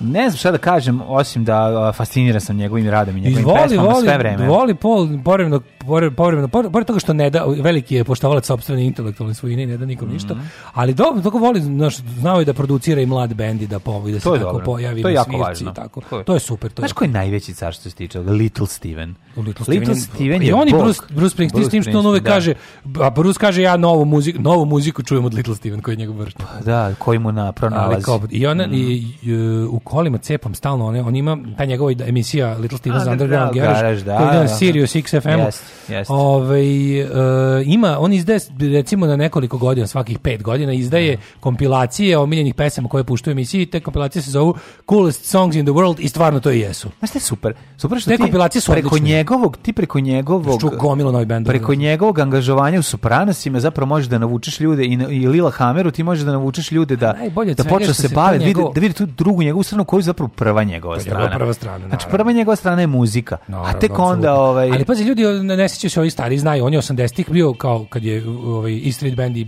Bruce kad su bili isto na onoj vrhu, na jednom od vrhunaca slave, od pet vrhunaca slave, on je bio jako angažovan onom muzičari protiv apartheida. Da, da. Uvek je bio, uvek je vukao tu ovaj uvek je ono vukao tu dobru političku stranu i i Brusa i ostalo. Ne, Mega car. Little Steven je bogotac, znači da. baš car. I ta njegova, kaže emisija i te kompilacije Cool Songs in the World kojih ima Vol, ne znam, već 10 tu bukvalno nema loše pesme. To je kao nugget, znači grumeni da zlatan. Znaš, on se pojavi ovaj, na malom rastupu Chesterfield Kingsa da napravi zvuk. Znaš, pa to je ono prosto ne možeš da, da veruješ. Da, da, da, u malom su, klubu u Americi dođe da uradi zvuk. Dođe i nameri, nameri. Ali lik je da ono milioner je bih. A pa može da radi šta hoće. To je, super, znaš, to je jedna super. lepota Amerike. To je pravo voljenje muzike. Mi volimo to je to pravo sve. voljenje muzike i zašto mene zovu švedski amerikanac. 1947. I onda dođe jedan naš drugar i kaže mu, ej kao, Ove, ovaj, Demolition 23, to je super, kaže, ovaj, ovaj, otkud ti znaš za tu ploču? E, A što je toga? E, pa kao, postoje mi koji to pratimo. To niko nema na ploči. To bi ja volio. to ono da, ploče, da, da, da, ću da. kopam disku. Ajde, ako nađeš, odmah iskopaj dve. Ma, mislim da košta 100 dolara minimum. 1947. rođena da Vesna Pećanac, srpska glumica, postoji sigurno. 49. rođen Aleh Aleksandar Čekaj, Kačinski. Vesna Pećanac, supruga od ovog... Od Koste Pećanca Četničkog. Ne, nije, nije ona je supruga od... od, Jove od, od Jove Pećanca druga moga čalata kada se zajedno popravi televizor. Ne, ona je ovaj, od Živka Nikolića, ja mislim, supruga A, bila, ako se ne varam. Na danas je dan rođena Izabela Rossellini koja je dakle napunila 60 i To mi je jako fantastično. 8 69 69 godina. Izabela Rossellini je jedna predivnost, da. jedna kompletna predivnost. To prosto nije normalno. E, umrli Pete Peterson Hein, mm. holandski mornarski oficir 1629. Frank Urelac. Franku. Frank Urelac, Urelac ili Fran Frank Urelac. Urelac. Književnik i filolog 1874. Franjo Xaver Kuhač. Ej, koje godine? Na današnji dan je umro i Roland Engelbert Graving Amundsen 28. Mm godine prvi čovjek koji je stigao na Južan Pol. E, da. 36. Aleksej Maksimović Peškov, koji je zbog toga što ima presodsko ime i prezime, zbog kog bi ga zajebavali, mm uzeo nadrkani pseudonim Gejov. Maksim Gorki. Aha. I izgleda kao onaj glumac William Forsythe. 1817. rođena je Višnja Urošević. Znaš ko je Višnja Urošević? Ne znam, ali je rođena, ali umrla. Ko je umrla, Višnja? Umrla, umrla. umrla, da, da, da, umrla Višnja. Urošević. Znaš, ja sam je 94. umr Žukov. Je, znaš ko je Višnja Urošević? Ne znam. Baba Višnjina. Kako je to Baba Višnja? Pa Baba Višnja, poznat. Baba Višnja je valjda prva, kako Urošević, zar on je Obrenović, zar on je... Majka Kneza Miloša, da, značenica. Pa da, nije. Da, kako nije. onda nije ona Obrenović? Pa nije Obrenović, on je Obrenović zašto je od Obrena Ćaleta. Znaš da se sad prebacivalo... Bravo, bravo, bravo, bravo, bravo, bravo, tako su nastala da, prezimena. Da, prezimena. Da, da, da, da. da. da. Jeste. Uh, Đuna Barnes, sam Đuna, Đuna. A ona je verovatno Urošević jer je Ćaća bio Uroš. Uroš, da, da, da. A Baba Višnjina je, ona to je stari Beograd. 2001. Davorin Popović, mm -hmm. umro iz indeksa. Mm, Adi Lukovac, pa je onda 2010. umro Bogdan Bogdanović arhitekta, profesor Beogradskog univerziteta. Bogotac, gradonačelnik Beograda, mislim, umre čovjek na vreme. Da, umre da. čovjek na vreme da, ne da, gleda da. Beograd danas, mislim to bi baš, mm. mislim da, bi, da što bi rekao neko da nije umre, to bi ga ubilo. Da. I 2010. Jose Saramago, portugalski pisac, dobiti Nobelu nagradu za književnost za 98. Oh. Da ga se čita. Koja je faca Saramago? Da ga se čita sve što možete. Moja, jako dobar. Dobrodošli u Leskovac, prštionicu Roštilja. Alarm sa mlađom i Daškom.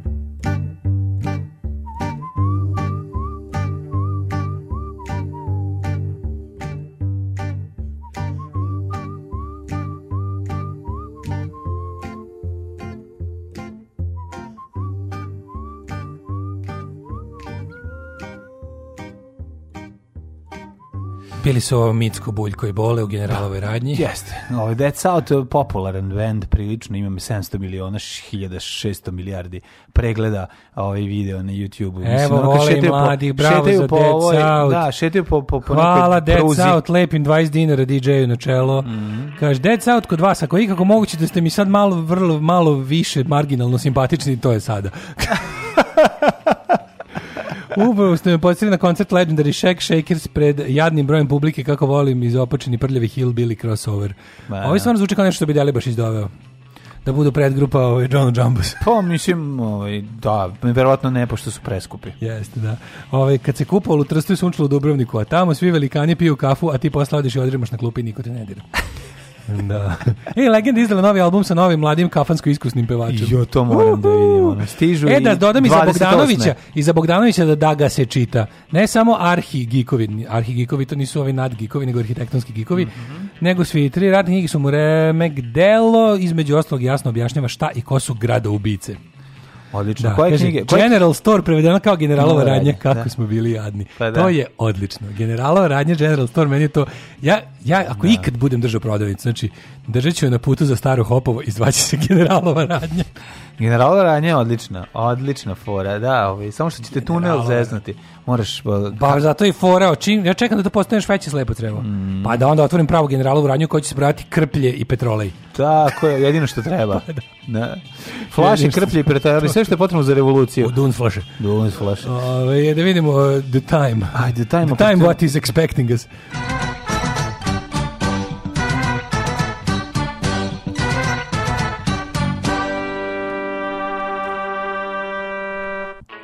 Da vidimo šta kažu ove, što se tiče vremenskih prilika i aktualnih podataka za ove, trenutno stanje u Srbiji. Uh, brzi moj kompjuter kaže da je 22 stepena u Subotici, Sombor 22, Novi Sad 22, Zrenjanin 19, Kikinda 20, Banatski Krlovak 21, Krlovak. Loznika je ove, 20, zatim Mitrovica 20, Valjevo 22. Valjevo. Moram jako da izađem iz ovog Valjevo. moda, jer me jako nervira. jako nervira. Beograd 21, Kragujevac 21, Smerska palanka 20, Veliko gradište 20, Crni vrh 17, pretežno vedrost svuda. Ja mogu na francuskom nastavim? Ne. Uh, mon... Uh, e, Sasifi! Sasifi! Negre. Mon negre 17, nežetine. Prete, prestani. Azlatiber, euh, le euh, les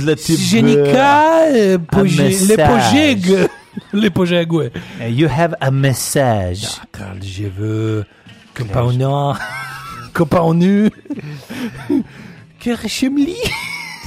De šemli. U še vek Lenić 20, eh, eh, Leskovac, Liskovek eh, 19, Zajšeja da. 17. Ajde, odmah pročitaj i vodostaj, pošto si već ušao u francuski. Dimitroville, da... Dimitroville 15 i Vrangeux 17. Vrangeux. Vodostaj, Le Ode, da, da. Mežur. SPS Gradže. E, francuski razbijamo. Ajde, na, ubite nas. Kako nas vreme čeka za Kendvi? The can't we, the can't, can't we, do that dža, šta ti kažem, danas oblačno, sutra promenljivo, grmljavina i sve će biti. Grmljavina sutra, oh, Ali onda no. 32 stepena u nedelju i samo lepo. Ale, Tako da, okej, okay, bit će promenljivo oblačno sutra, ale, možda i danas ale, Ale, ale, I milion puta sam rekao međunarodnim predstavnicima, ne može. Organizator je počeo žica, tu mesto mesa može li pizza, može li balantajn umjesto džeka, evo ti šta sam mu reka, reka sam... Ne može. Ne može.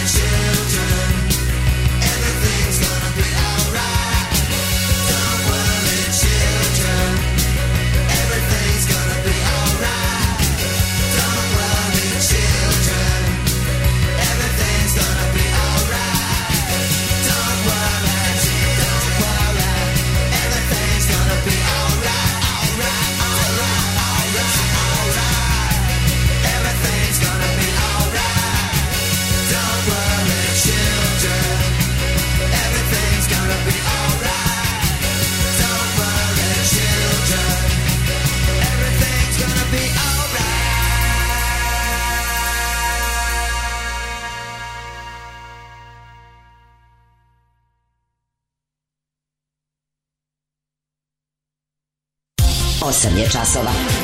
Radio Daško i Mlađa. Prvi program.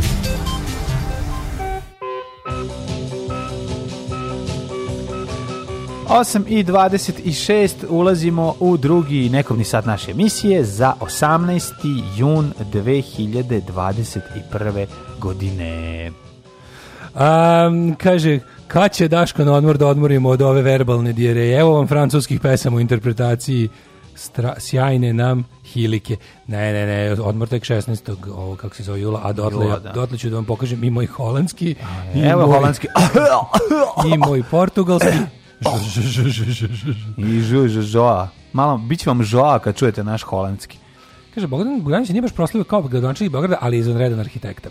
Um, da se čitaju i Mrtva uzica od Bogdana Bogdanovića, ali i Šupri za Ćupriju Strava. Mm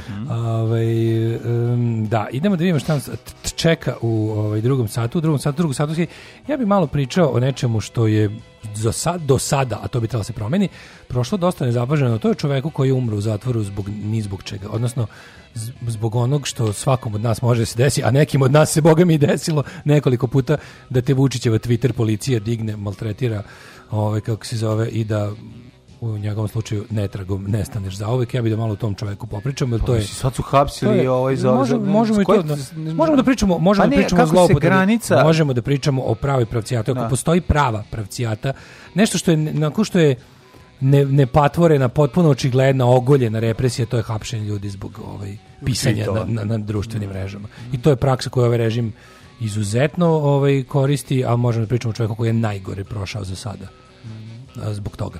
Ovaj tako da bi tu malo ovaj se osvrnio bi se na to. Ne znam šta još bio, ovaj Aš, kandidujte vi jednu temu kolega. Ne, pa mogu da kandidujem onog mm, finansijera Jeremića koji je saslušan financijer Jeremića. Mislim ne, ne, ovde i dalje se bori protiv opozicije, opasne opozicije koja preti da ugrozi ugrozi državu i tako na prvih pet strana kurira biće jedna ovaj tema koja će biti miks politike i dnevne politike i nečeg skandaloznog. Svakog prokletog radnog jutra od 7 do 10. Alarm, Alarm. sa mlađom i Daškom.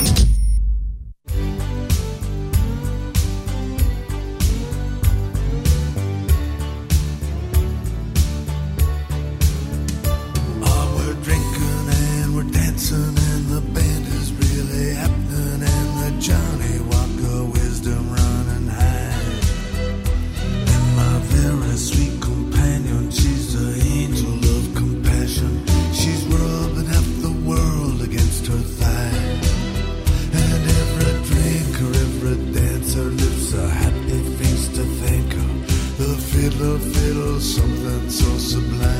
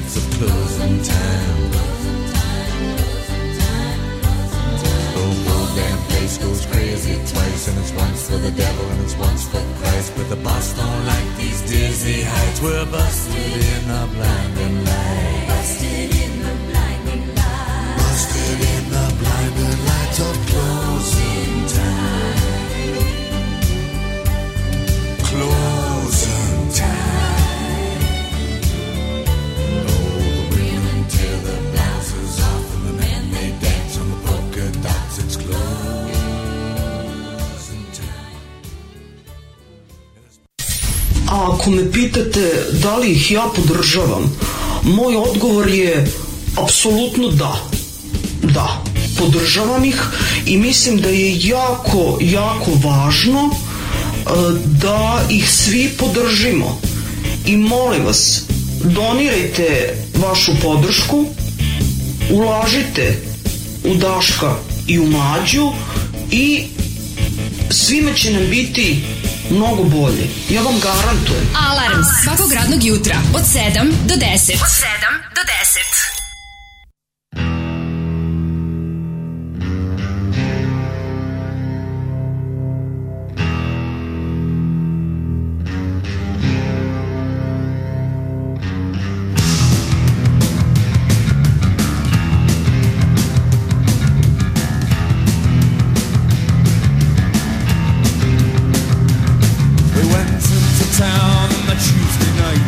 Exceptional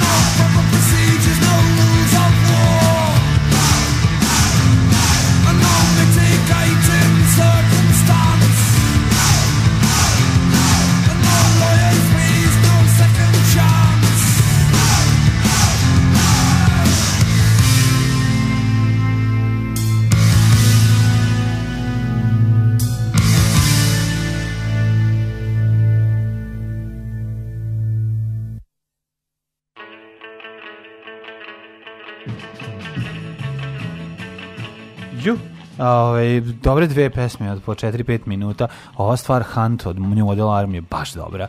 Ovaj, da, malo da se, stvari. malo se nadrkamo pre ovoga. bio Leonard Coin, da se ono razneži što neko napiše Leonard od ranog jutra rasplaka ste me. E, ne možemo tako, pošto sad ulazimo da budemo bjesni da budemo ja. nadrndani, a to za to Došli nam treba jedna militantna da delimo. Došli treba smo nam pes da delimo. Pes, daj Ova pesma New Model Army koja posle se, se Palčar isto super obradila, se kultura, mm -hmm. govori o tome kako je uh, meštanima jednog malog grada koje je terorišao lokalni Palma Jutka, mm -hmm. su mhm. ljudi na kraju odlučili da mu se načestitaju nove godine i organizovali se isto, kaže no courts of law, no mitigating circumstance, no rules of war, idu da mu objasne neke stvari. Mm -hmm. Mob justice, mob rule. Mm -hmm. uh, e, ovaj, sad kad smo besni zbog nju model armija, da pređemo na, da li, da li ti je poznato ime, mladene? čoveka koji se zove Milorad Nikolić iz mm, Crvenke. Naravno da ne, da nije. Ne, ali znam sad zato što si na se da. zato što si Ali naravno da nije, nije, nema šanse da, da Ne, ne bi znao o da. čemu se radi da nije. Milorad da Nikolić iz Crvenke. Da. Uhapšen je decembar 2016. godine zbog SMS poruke koje je slao komšiji. Čovjek bi pomislio da čovjek poslao svom komšiji neku poruku u kom je nešto pretio komšiji ili tako nešto. Međutim ne, on je uhapšen zbog hipotetičke pretnje predsedniku Vučiću, od tada premijeru Vučiću pošto je tada bila kampanja za ovaj kako se zove uh, predsjedničke izbore. Aha. Uh, e, Milor Nikolić je uhapšen zato što je svom komšiji poslao na šta misli o Vučiću, što je komšija uredno žbir jebeni prijavio policiji. Policija je došla i uhapsila čoveka. Znači, to je poruka navodne pretnje uh, tada premijeru Vučiću, gde da ovaj nešto pisao s komšijom. Mislim, znaš šta, ajde budemo, da budemo potpuno iskreni, pošteno kažemo, Milorad Nikolić nije baš delovao kao neko ko onako, mislim, na osnovu poruke, video sam kako izgledaju te poruke, malo je bio onako na svoju ruku, malo više bio na svoju ruku, ali u principu ni na koji način se iz toga nije moglo protumačiti da je premijeru tada države ugrožen život. Mislim, Ovo je bio primjer onoga... Ovo komšija plašio za sebe, pa zato poslao ili šta? Sas, ili... Jasno je bilo da su porodice da se ne radi, njemu nego komšija taster i denucijant i staljinistički da. ono potkazivač. Pa je ovo, ovaj, mislim, ne znam, ne znam kako, ka, ne znam kako crvenka stoji, da li ima tradiciju toga, ali po, poze policija došla i uhapsila je Milorada Nikolića. Zbog SMS-a koje je poslao komši? Ne, zbog SMS-a koje je poslao, u kome je napisao, je da, napisao da, mislim, e, pretio predsjedniku, šta, šta je bilo? Njegov brat je da, pa napisao nešto, nešto. Da. Mislim, kao, znaš, stvari koje svako od nas u besu kaže može za da. bilo koga u toku dana. Koliko puta si ubio, zaklao, prebio, pretuko, da. ispalio vozača ispred tebe ili iza tebe? Koliko da. puta si izašavši iz ono reda u prodavnici da se neko gurao, rekao treba sve poklati mamom jebem. I slične gluposti koje ljudi govore u kako se da. zove u afektu A pri ili, tome neće uraditi. ili naravno da neće uraditi. I prvo, znaš šta je meni neverovatno da u našem zakonu uh, da, ne, ne u zakonu nego ono kao okej, okay, znaš šta je pretnja, znaš šta je ono Ali valjda bi trebalo da se na kraju kreva novac naš, mi plaćamo tu policiju i te istražne organe, mi bi trebalo da ne dajemo novac za gluposti. Jel Ako znamo da to sve spada u domenu našoj nesrećnoj, jadnoj, bednoj zemlji, da to sve zove visoko tehnološki kriminal, jer sve što da. otprilike ne uradiš u ono rečima iz usta i spada za u ovu zemlju, za ovu zemlju je i štampanje novina visoka tehnologija. Tako da ukoliko nešto ob, o, o, uradiš od tih stvari, a uključuju ekran i tastaturu, imaćeš posla sa VTK, da. što naravno znači Vučićeva Twitter kontrola. Kada ovaj kada te Vučićeva Twitter kontrola pokupi, a tak, to odeljenje postoji samo u Beogradu. I sad ti ljudi s jedne strane, a sad da i njih branim, da, da oni im, VTK postoji samo u Beogradu, to je deo, to je deo UBPOK, SBPOK, kako se već zove, mm -hmm. specijalno odjeljenje policije koje postoji samo u Beogradu, oni imaju pod jurisdikcijom celu Srbiju, znači Srbija je njihova njihov cela jurisdikcija. Mm -hmm. I oni kada, kada neko, ono, kada, kada ovaj napiše ono, zaklaćujete na da. spavanju da. zbog međe na ono, da. kako se zove, između, znači, oni idu u vranje da, da istražuju. Da, pa, pa onda da. tog čoveka vode u pritvor u Beograd. Znači ne postoje lokalne ovaj kako se zove VTK. Da, dosta analogno se bore protiv digitalnog. Pa naravno uh, i sad oni i sad najluđe svega je da da od stvari koje pa ti ljudi sigurno imaju posla sa postoji visoko tehnološki kriminal pravi. To su razne online pljačke, pronevere, pedofilija ostale stvari, ilegalan, visoko ilegalan i tež, ono tež, težak kriminalni sadržaj. Resursi VTK se uglavnom troše na proganjanje ljudi koji laju na režim preko Twittera i Facebooka. I 90%. To? Ja mislim ti oni ti ljudi idu po da, da Srbiji. Da idu po Srbiji tehnički neopremljeni, dovlače te nesrećne da. besne ljude iz da ove držali 48 sati ubrajam iz sebe u njih. Pa, e, da, da, e, da ovaj malo nije imao sreće. Sve ljude uglavnom drže 48 sati, malo nepoznatije drže i mesec dana, maltretiraju ih i tamo im jednostavno ono ono učine da da navuku im strah, propastim svašta u životu. Ovaj čovjek je zauvek nestao kad su ga jednom pokupili. Preminuo u zatvoru. Preminuo u zatvorskoj bolnici. Njegovim veštačenjem je, je, ovaj, e, kad je priveden, poslati dalje, kao što ste rekao, to, to ide u Beogradu. U Beogradu su utvrdili da bi trebao da bude u, ovaj, u bolnici centralnog zatvora, odakle mu se više, znači kad je počelo to suđenje, on više on nije prisustvovao sopstvenom suđenju, pri, bili su njegovi rođaci koji su zahtevali da ga vide, na šta je sud, sud Kinja, ja mislim, rekla da on nešto ima, da nema potrebe, da je tu njegov staratelj, na šta je njegov rođeni brat ustoji rekao, ja nisam njegov staratelj, ovaj, kako se zove Milorad, ima poslovnu sposobnost, nije mu oduzeta, on je čovek, svoj čovek, ono da. ima apsolutno i pravo na fair suđenje i pravo da mu se, ima i pravo da mu se sudi, jer, jer je zdrav Ne. Ako to želite da promenite, morate prvo to, ako želite da ne bude tako, prvo to morate da promenite. Čovek oduzmete poslovnu sposobnost i onda da drugčije, a onda se verovatno takvom čovjeku i drugčije sudi. Ne. Jer kad si nekom oduzeo poslovnu sposobnost, on verovatno nije, što kažu Amerikanci, fit to stand trial. Mm. E, uglavnom ovaj čovek je posle nekoliko meseci e, e, držanje njega, stanje mu se pogoršavalo. Pazi, ta stvar zbog koje on otišao tamo je bila trigger da u njemu izazove svašta i način na koji on s njime tamo postupano, on je tamo nakrkavan lekovima, koliko ovaj čovjek je pokazao neku, nešto što je uspio da sazna, uh, i preminuo je. Znači čovjek je posle, posle šest meseci u zatvoru zbog SMS poruke I koja se tiče neko koja nije čak ni poslata toj osobi. On tu poruku nije poslao Vučiću, on tu poruku nije poslao nikome ko poznaje Vučića. To je bio jedan nemoćni bes čoveka iz malog mesta. Da li je moguće da je jednostavno znaš kao da su resursi naše države traćeni na to da to uopšte se tako rešava i da jednostavno mi imamo mi svake nedelje mlađo imamo privođenje čoveka koji je ugrozio predsjednika Vučića i njegovu porodicu. Pa da, to I to su uvek stvari koje Znam, nemaju veze. Znam, dokle sa to ide. Mislim, ali mlađo, ono, ono, ovo je naj... oni Sad više, oni sad više ni ne love kao nešto se pominje predsjednik. Ovo sad, Ovo ti kažeš dobar dan, dobar dan, dobar šta dan, si mislio pod si dobar dan? Mislio na Danila, dobar Misliš dan. Da dobar dan. Šta želiš Danilu da uradiš? Da ne ništa. Bude, ono, da, da, napisali smo dobar dan, ništa I ne. I to je zapravo naj od svih onih stvari kojim kad mi ono kao, znaš, kad mi ne možemo da objasnimo svetu koje mi živimo represiji, koliko je naš koliko je ovo iz, koliko je ovo izopačena zemlja sa pa kakvim mi ludacima imamo posla. Ovo je ovo je najeklatantniji primer, ovo je najbrutalniji primer brutalnosti Vučićevog režima. Ovo je strašno. Pa dobro, čovjek mali čovjek koji se ne vidi, koji su učili da da nestane. Tako prođe neko ko nije poznat, tako mm. prođe neko ko nema zaštitu javnosti, tako e, sad prođe. Sad su ovog uhapsili isto za potpuni za da, da. Priveli su ga, pustili su ga, mislim da nije zadržan. Pa znam, al ono znači kao čeki, za čega ga privodi. Stvari se da... vade iz konteksta, stvari da. se namerno vade. To čak ni znači ono što oni rade, to je bukvalno policija se ponaša kao tabloid. Tabloid kad hoćete oblati, on kaže ono o jebo mater kako sam umoran idem kući da se odmorim. Pa Oni seku samo jebo mater da. i kažu čovjek jebe svoju majku. Da. Razumeš to su njihovi ono kao da, to su da. njihovi metodi. E i, i pa to znam, je bio aforizam zbog čega je ovaj sad Naravno da je bio da, aforizam. Da, znaš kao nema mi se. Mislim ja znam plus, da ljude treba hapsiti zbog aforizama generalno. Da, ali aforizam treba krivično da svakako kao jedna jedna odvratna zločinačka forma izražavanja, ali kad već nije ne možemo ni zbog ali ne, ne možemo zbog pona osobu. Ne možete zato što da hapsite čovjeka zato što mislim ja se razumem da su hapsili zato što je aforizam. Ne. Još jedan moj još jedan moj Twitter prijatelj prijatelj, šta, šta kome preti, šta, ne Isto još jedan moj Twitter prijatelj, znači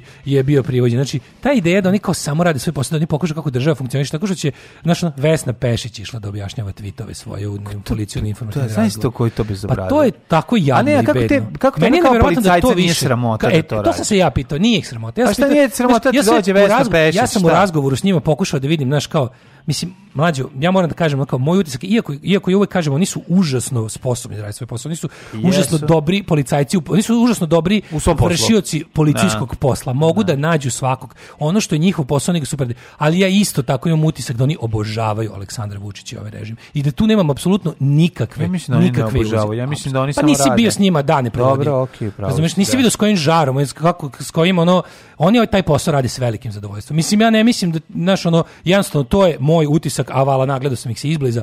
Tako da mogu ti kažem da oni odlično rade svoj posao, super su u tome, samo što su pritom oni oni pa, su zaista srcem, izdu, srcem ne, i dušom uz ovaj režim. Zar te ne boli da privodiš Vesnu Pešić? Mislim zar ti Očigledno ona... ne.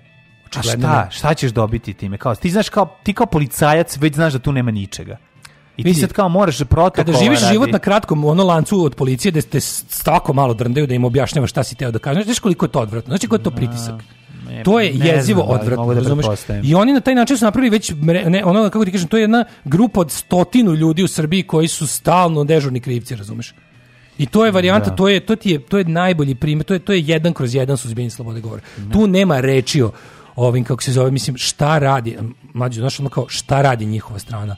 Konkretno tuče, prebija i ubija. Ne. Da. Teroriše, reketira Razumeš? A ti mi čujemo za ljude, to su jezi, to su grozne stvari. Sad su ovog čoveka mislim, to uopšte ne mora stalno moram da objašnjavam mnogim, meni ne mora taj neko ko je najbao da bude politički blizak. Meni taj da. čičak nije imao se, on će mene uvijek biti da. julovac. Da, on će za mene uvijek biti julovac. Jer ja ne mogu da verujem da je neko kao odrastao čovjek 90-ih mogu da se na 5 minuta prikloni julu. Ali to nije pitanje, či, znači, ne čitam ga, ne zanima me. Ono, uopšte me ne interesuje me njegova persona, njegov del. Ali kao Znam, zbog onog što je napisao se ne, ne, ide u Muriju. Zato se ne troše resursi države da se, to je jednostavno čisto zastrašivanje, zastrašivanje ljudi. Mislim, znaš, kao tu, znaš da tužilaštvo radi za njih, to otvoreno ti ono, otvoreno se vidi, ali kao naš, ja ti kažem da i svaki od tih ono, ono stvarno, mislim, to je, to je tužno, ali je tako. Znači, oni zaista, nemoj, ne, mislim da ne treba imati iluzije da su to kao polit... Yes. Mislim, ne kažem ja da oni ne bi radili i za bilo, možda oni vole svaki režim, nemam pojma. Možda stvarno ti ljudi vole svaki režim, možda sebe doživljavaju kao čuvare bilo kojeg režima, to ja ne znam, mm, jer sam jedine, pazi, od celog svog života sam jedino s policijom imao problema za vreme Aleksandra Vučića. Da. Jedino kada mi prave paka od života je u režimu Aleksandra Vučića. Ne znam da li su oni tako voleli i Borisa Tadića i da li su ono, ne sećam se da li su ljudi ono bili ovako, Nisu se ja, ja se ne sećam. sjećam. Ne, ne. Da. ne govorim lično, ja se ne sećam da. da je bilo ljudi koji su, da se ovako nešto desilo. Sigurno su i oni imali svoje psine i ono, kako bih rekao, ovaj, ono, nepodopštine i, i zloupotrebu policije i tužilaštva, ali ovo su sad već desetine ljudi. Za ovih 10 godina režima Aleksandra Vučića, mislim, čovek je i umro. I sad, pazi, to jeste bilo pre četiri godine. Ti ljudi uvijek čekaju ne pravdu, nego objašnjenje. Njima ništa nije objašnjeno šta se tamo da. desilo. To je potpuni mrak i magla da ne kažem noć i magla. Pa da, ali, ali to, ona... znaš, ono, to, kad, to, to pitanje nećeš postaviti ono predsjedniku, znaš, to jednostavno nećeš niti imati prilike. Niti Otišao sam da ga posjetim, za... evo, pošto sam čekao dva sata, svi su završili posjetu, meni su rekli da mog brata nema, mislim da se, to, da se tad nešto desilo, rekli su da su ga odveli u Beograd, e, u Beogradu su ga potom prebacili u specijalnu bolnicu okružnog zatvora, određena mu je psihijatrijska dijagnoza, podvrnuti terapijom teškim lekovima, suđenje se odvijelo bez njegovog prisustva, Njegova snaja se seća, kaže, ludila koja je tada snašla njihovu porodicu, bila sam trudna, pokušala sam da se zaštitim i sebe i decu, Odlučio sam da ipak prisustujem jednom suđenju, postavila sam pitanje, nisam mogla da se suzdržim, zašto Milorad nije tamo, sudija Kovačević je rekla da je njegov brat kojemu je staratelj, mi smo skočili da mu nije staratelj, da on nije lične poslovne sposobnosti. Uh, kaže, zatim sam od strane svih prisutnih najteže napadnuta i izvređena, navodi snaja. Jel. Suđenje nikad nije završeno, posle pola godine u zatvorskoj bolnici Milorad je preminuo, a rekli su da je to bilo da pluća. A ne znam, što nikad nećeš ni saznati. Znači, to je pitanje znaš, kad je on preminuo. Znaš ti koliko je ovo veliko da, i strašno? Da. Ovo je veće od rušenja u Savo Mali, da. ovo je veće od naplatne rampe. Naplatna rampa isto, isto jeste zataškan zločin, ali naplatnu rampu, taj čovek koji je krenuo, da, koji je zgađao tu ženu, nije uz tog jutra s namerom da zgazi tu ženu. To je mhm. nesreća koja je bila uh, sramotna po režim, pa je zataškana. To je potpuno drugo ovo je, ne znam, ono je on rušenje u Sava Mali i slične stvari, helikoptera, to su sve nesreće koje su zataškane za, a ovo je ovo je pa da, rušenje Sava Mali nije nesreća, mislim to isto Ne, ne, kažem, ono je, da. ono je bila ono, ono je, ono je kriminalno delo iz da. koristi. Da, naravno. Nema ono, znaš, da. mada i tamo i tamo smo imali koji, pa jedan smrtni ishod. Pa mislim docnije, čoveka koji, docnije čoveka da, da, da, koji da. ono verovatno mu je ubrzano ono, Tako da, znaš, ovo su ovo su ovaj kako se zove ovo su momenti gde iza represije režima stoje leševi, znaš, i to je, to je, to je najizjevije. Mislim da bi morali, ovo bi moralo da bude jedna od onih stvari koje zahtevamo da se rasvete, da malo, znaš, mislim, ja znam da ovo je zemlji sve tako što se digne dževa. Ako imaš da, šta da, da, se diže dževa, treba za ovo. Tražimo mhm. da vidimo šta se desilo ovom čoveku. Koga je zatvorio, ko je rekao, ko je procenio da je taj čovek za, za, za takvu vrstu lišavanja slobode, ko je procenio da je on za psihijatriju, koga je kljukao lekovima, da. komu je, koga nije dobro lečio od plućne embolije mi Da li je, da li je, ta, da li je to pravi nalaz? Da li je čovjek umro od plućne embolije? Ništa, porodica čeka, porodica, kaže, neprođen je dan da se porodica da pita šta se uopšte desilo i šta je bila Miloradova krivica. Jer čovjek, njegov brat koji je rekao kad je otišao prvi put i prvi jedini put kad je imao bilo koje objašnjenje, kad je kontaktirao sa državom, sa policijom, sa tužilaštvom, on je pitao, izvinite, na koji način je da. tamo i brat, objasnite mi kako je on ugrozio ovaj, kako se zove predsjednik Vučić, to sve što, kako se to, oni su mu odgovorili, pa hipotetički. čovjek je izgubio život zbog hipotetičkog. Hipotetičkog, da, da. Šta je to? Šta je u stvari bodybuilding? Alarm! Alarm! Svakog radnog jutra od 7 do 10 sa mlađom i Daškom.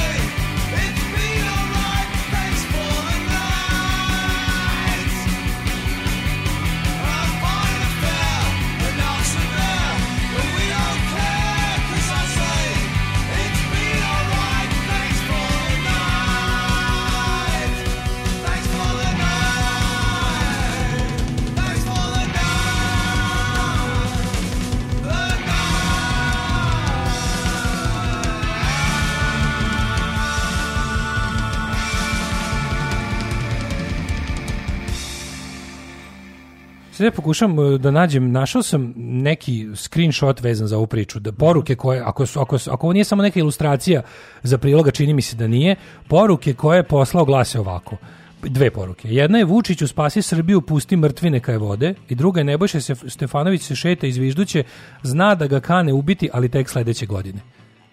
Mislim, ovo jesu da. malo rambling, ono čoveka koji je onako malo brbljali, da. ovo nisu čak ni pretlje.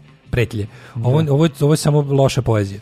Mm, mislim, da. ovo je loše poezije. Ako zbog loše poezije treba da te privedu, drže na lekovima. Je on bio lečen ranije? To me samo zanima. Ili je Čovjek je, je imao poslovnu sposobnost. Bio, da. Što, što, se toga tiče, bio je ono fit to stand trial. Ako su da promeni, mislim, ovo sve, sve je suludo. Što neko reče ovdje, on je moguće da je umro od plućne embolije, zato što ako je bio sediran i vezan za krevet, on od toga pluće stradaju. Stradaju, da, da, da, da. Od, od, da, mislim, atrofiraju jednostavno. Aha. Kaže, zamislite trudnice prisustuje suđenju u kom je država ubila rođaka. Gleda sistem koji će uništiti i to njeno dete. Jebem ti život. Kaže, ta džukila od komšije žbira. E, šta sad radi?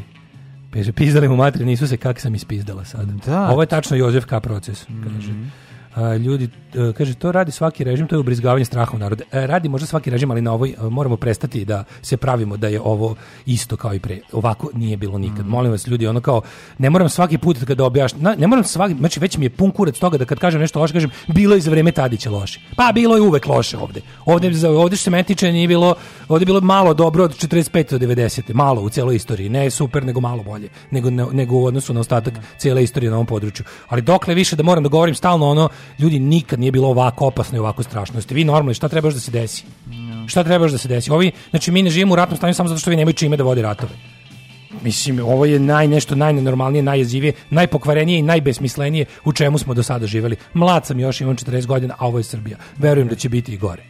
Ali pa da stvarno, onako, to radi svaki režim. To ne znam baš da radi svaki režim. Ako i radi, ne radi na ovaj način i u ovoj meri.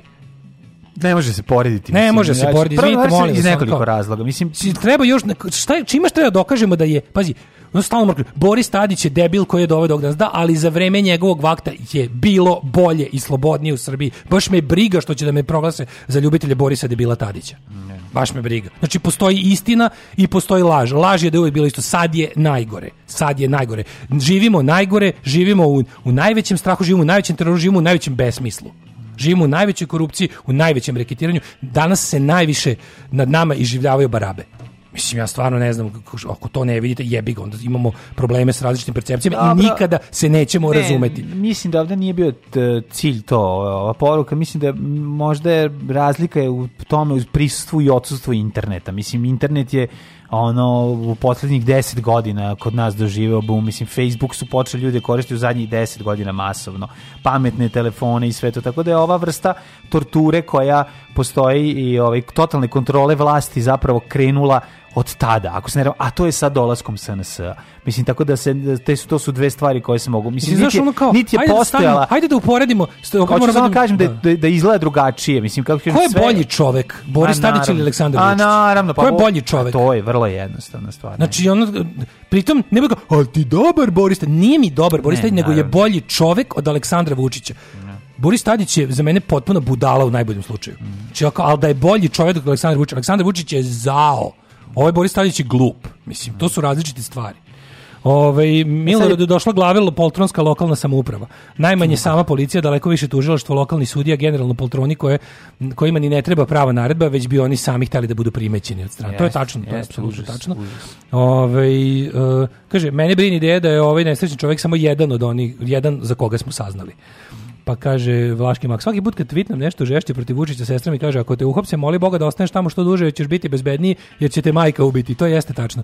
Keva me je par puta zvala šta, kad su se dešavale najveće afere i molila me da ne serem u tome po internetu da ne bi najbao. Ako to nije dokaz da ljudi žive u strahu od svoje države, da, da. koja navodno tvrdi da je ovo demokratsko društvo, onda ne znam šta je. Kaže, nikada vlast nije ovako bila uplašena. Nismo još Severna Koreja, ali smo već Belorusija odavno. Da, da istine. Da. da. Milošić bi verovatno bio isti ovakav da je narod u rukama imao medije kakve ima danas. Da, to je tačno. To, to Mislim, mi ne da, možemo da. ni znati šta bi nam Milošević radio da je bilo interneta. Mm. U moguće da bi mi možda čak možda bi mi bili dovoljno pametni da ne odaberemo Miloševića da je bilo interneta. Mm. Želim da verujem. Mm. Ali da smo ga odabrali da nam je zacario, možda bismo ga ranije iskinuli da je bilo interneta. Znam, možda internet, bismo napravili da. mi i veći pokolj da je bilo interneta. Možda će taj internet nam omogućiti da brže skinemo Vučića. Pa, mislim, mislim nije za, za sad radi za njega. Pa za sad, za sad ali, radi za njega pa, bez, dobro, sad je radio za lokalnu samoupravu. Mislim i ja što na može vrlo to, malom nivou. Ma, na malom nivou, ali okej, okay, nešto se dešava. Crvenka kula i vrba su tradicionalno mesta gde se rade se gde se ovaj e, sa radošću podkazuju nevine ljude još i, i vremena IBA. Mog dede je prijavio crvenčanin kog je moj djed izbacio s posla jer brašno i prodavao na pijaci.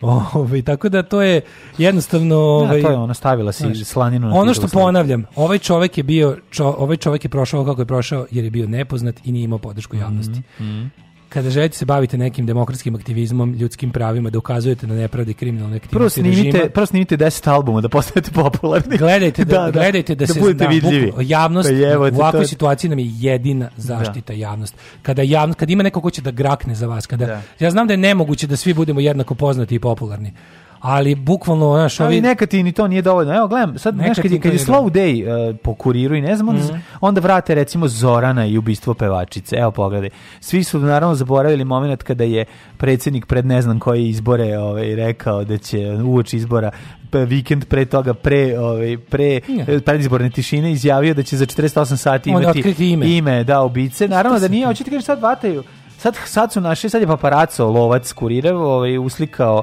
E, devojku kako izlazi iz nekog auta i ulazi u porodičnu kuću e, ovaj Marjanovića tog ovaj lika supruga od te ovaj pokojne pevačice za koju se na kraju ne može da se utvrdi više ja ne znam ni šta se dešava vezano za taj slučaj taj slučaj je toliko nenormalan imali smo i ono imali smo i policajca koji se bavio tim slučajem koji je ono pisao pesme za za pokojnu pevač mislim koji je pisao Koja pesme stokerske pesme stokerske pesme Bram, Bram Stokerske hoćete da kažem da ovo ovde je toliko nenormalno mislim o, Ja ne znam, ja mislim da se, da se ovo, o, ovaj zločin se nikad neće otkriti do trenutka dok ona ubica, kad bude imao 96 godina, prizna da je ubio, tak, zaboravivši da mu je ostala bubica uključena kad je gostovao u ne znam kojoj emisiji, da, pa Marića, rekao pa da se, da se dopadne u emisiji, šminkerki. U emisiji život kolje. Da, ono, i rekao šminkerki da ju se dopadne koja mu se svidela, ja sam je rekao. U emisiji sad, kolji život. Znaš, to, mi je, to, to, to je tako, to, to je prosto neverovatno koliko je užasno jezivo. E, kao, koje su, sad gledamo ovo, gledamo, ne, ali, malo pre pričali, pa kao, tema Blica, koje su najveće zem,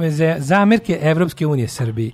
Ne, Evropska unija, ko, e, Srbija koja i dalje se ponaša kao da je kao da je žrtva velike evropske kome treba ovakva Srbija zemlja? Srbija je teški duvač lepka iz razreda i ono glumi, znaš, ono to to. Hoćete zemlju u kome lik napiše neki ono neki ono alkoski tweet komši pa umre u zatvorskoj bolnici šest meseci nakljukan lekovima. To, zašto to neće neko da primi u svoju porodicu država? Pa ne, pa mislim ono, ono, pa prva je korupcija i, i ono to je sve korupcija. Mislim, pa to je sve, to je da. sve jedan ono, začarani krug. Šta su razlozi? Ajde pa, pa da ima ev, Blic ima veliko istraživanje. Mm. Vojne vežbe i saradnja s Rusijom među najvećim zamerkama. No, sigurno je to najvažnije. Nedostatak ono. institucija, nevladavina prava, ne, da. sloboda javnog izražavanja, mislim to su to se zove kumovska država, razumeš? Mm. Burazerska država, to je problem. Znači šta trebate? Imate problem. Treba da nemate burazersku državu. A ne mogu ja, to mi je kum, to mi je burazer. E pa, znači, dok to ne rešimo... Haški sud traži da uhapsimo i izručimo Radetu i Jojića jer su obduženi na poštovanje Haškog tribopeza. Ni to nećemo da uradimo. No. Jednostavno, ono, može mu se ne znam, meni je ono, jedino što dok ne shvatimo da moramo da prestanemo da gledamo preko ograde i čekamo pomoć iz Brisela i Vašingtona. Znači, to se neće desiti. Nema, ok, važno je, da, važno je da mi celom svetu pokažemo u kom, šta, s čim imamo posto, to je važno. Ali ne na način da, on, da, da od njih očekujemo pomoć. Oni treba da znaju čisto da bi jednog dana znali koji su saučesnici bili u ovom svemu. No, oni to znaju. I da možda bre, jednog dana to... kada zbog njihovih poslovnih interesa da, da, da ubrzamo to da da naš mi, mi prike možemo. Ne, oni moraju shvatiti jednu stvar. Znači, da pozicija mora shvatiti da on nije Slobodan Milošević Slobodan i da vi nećete dobiti. Ako je i Slobodan Milošević, onda je Slobodan Milošević 91. a ne 2000.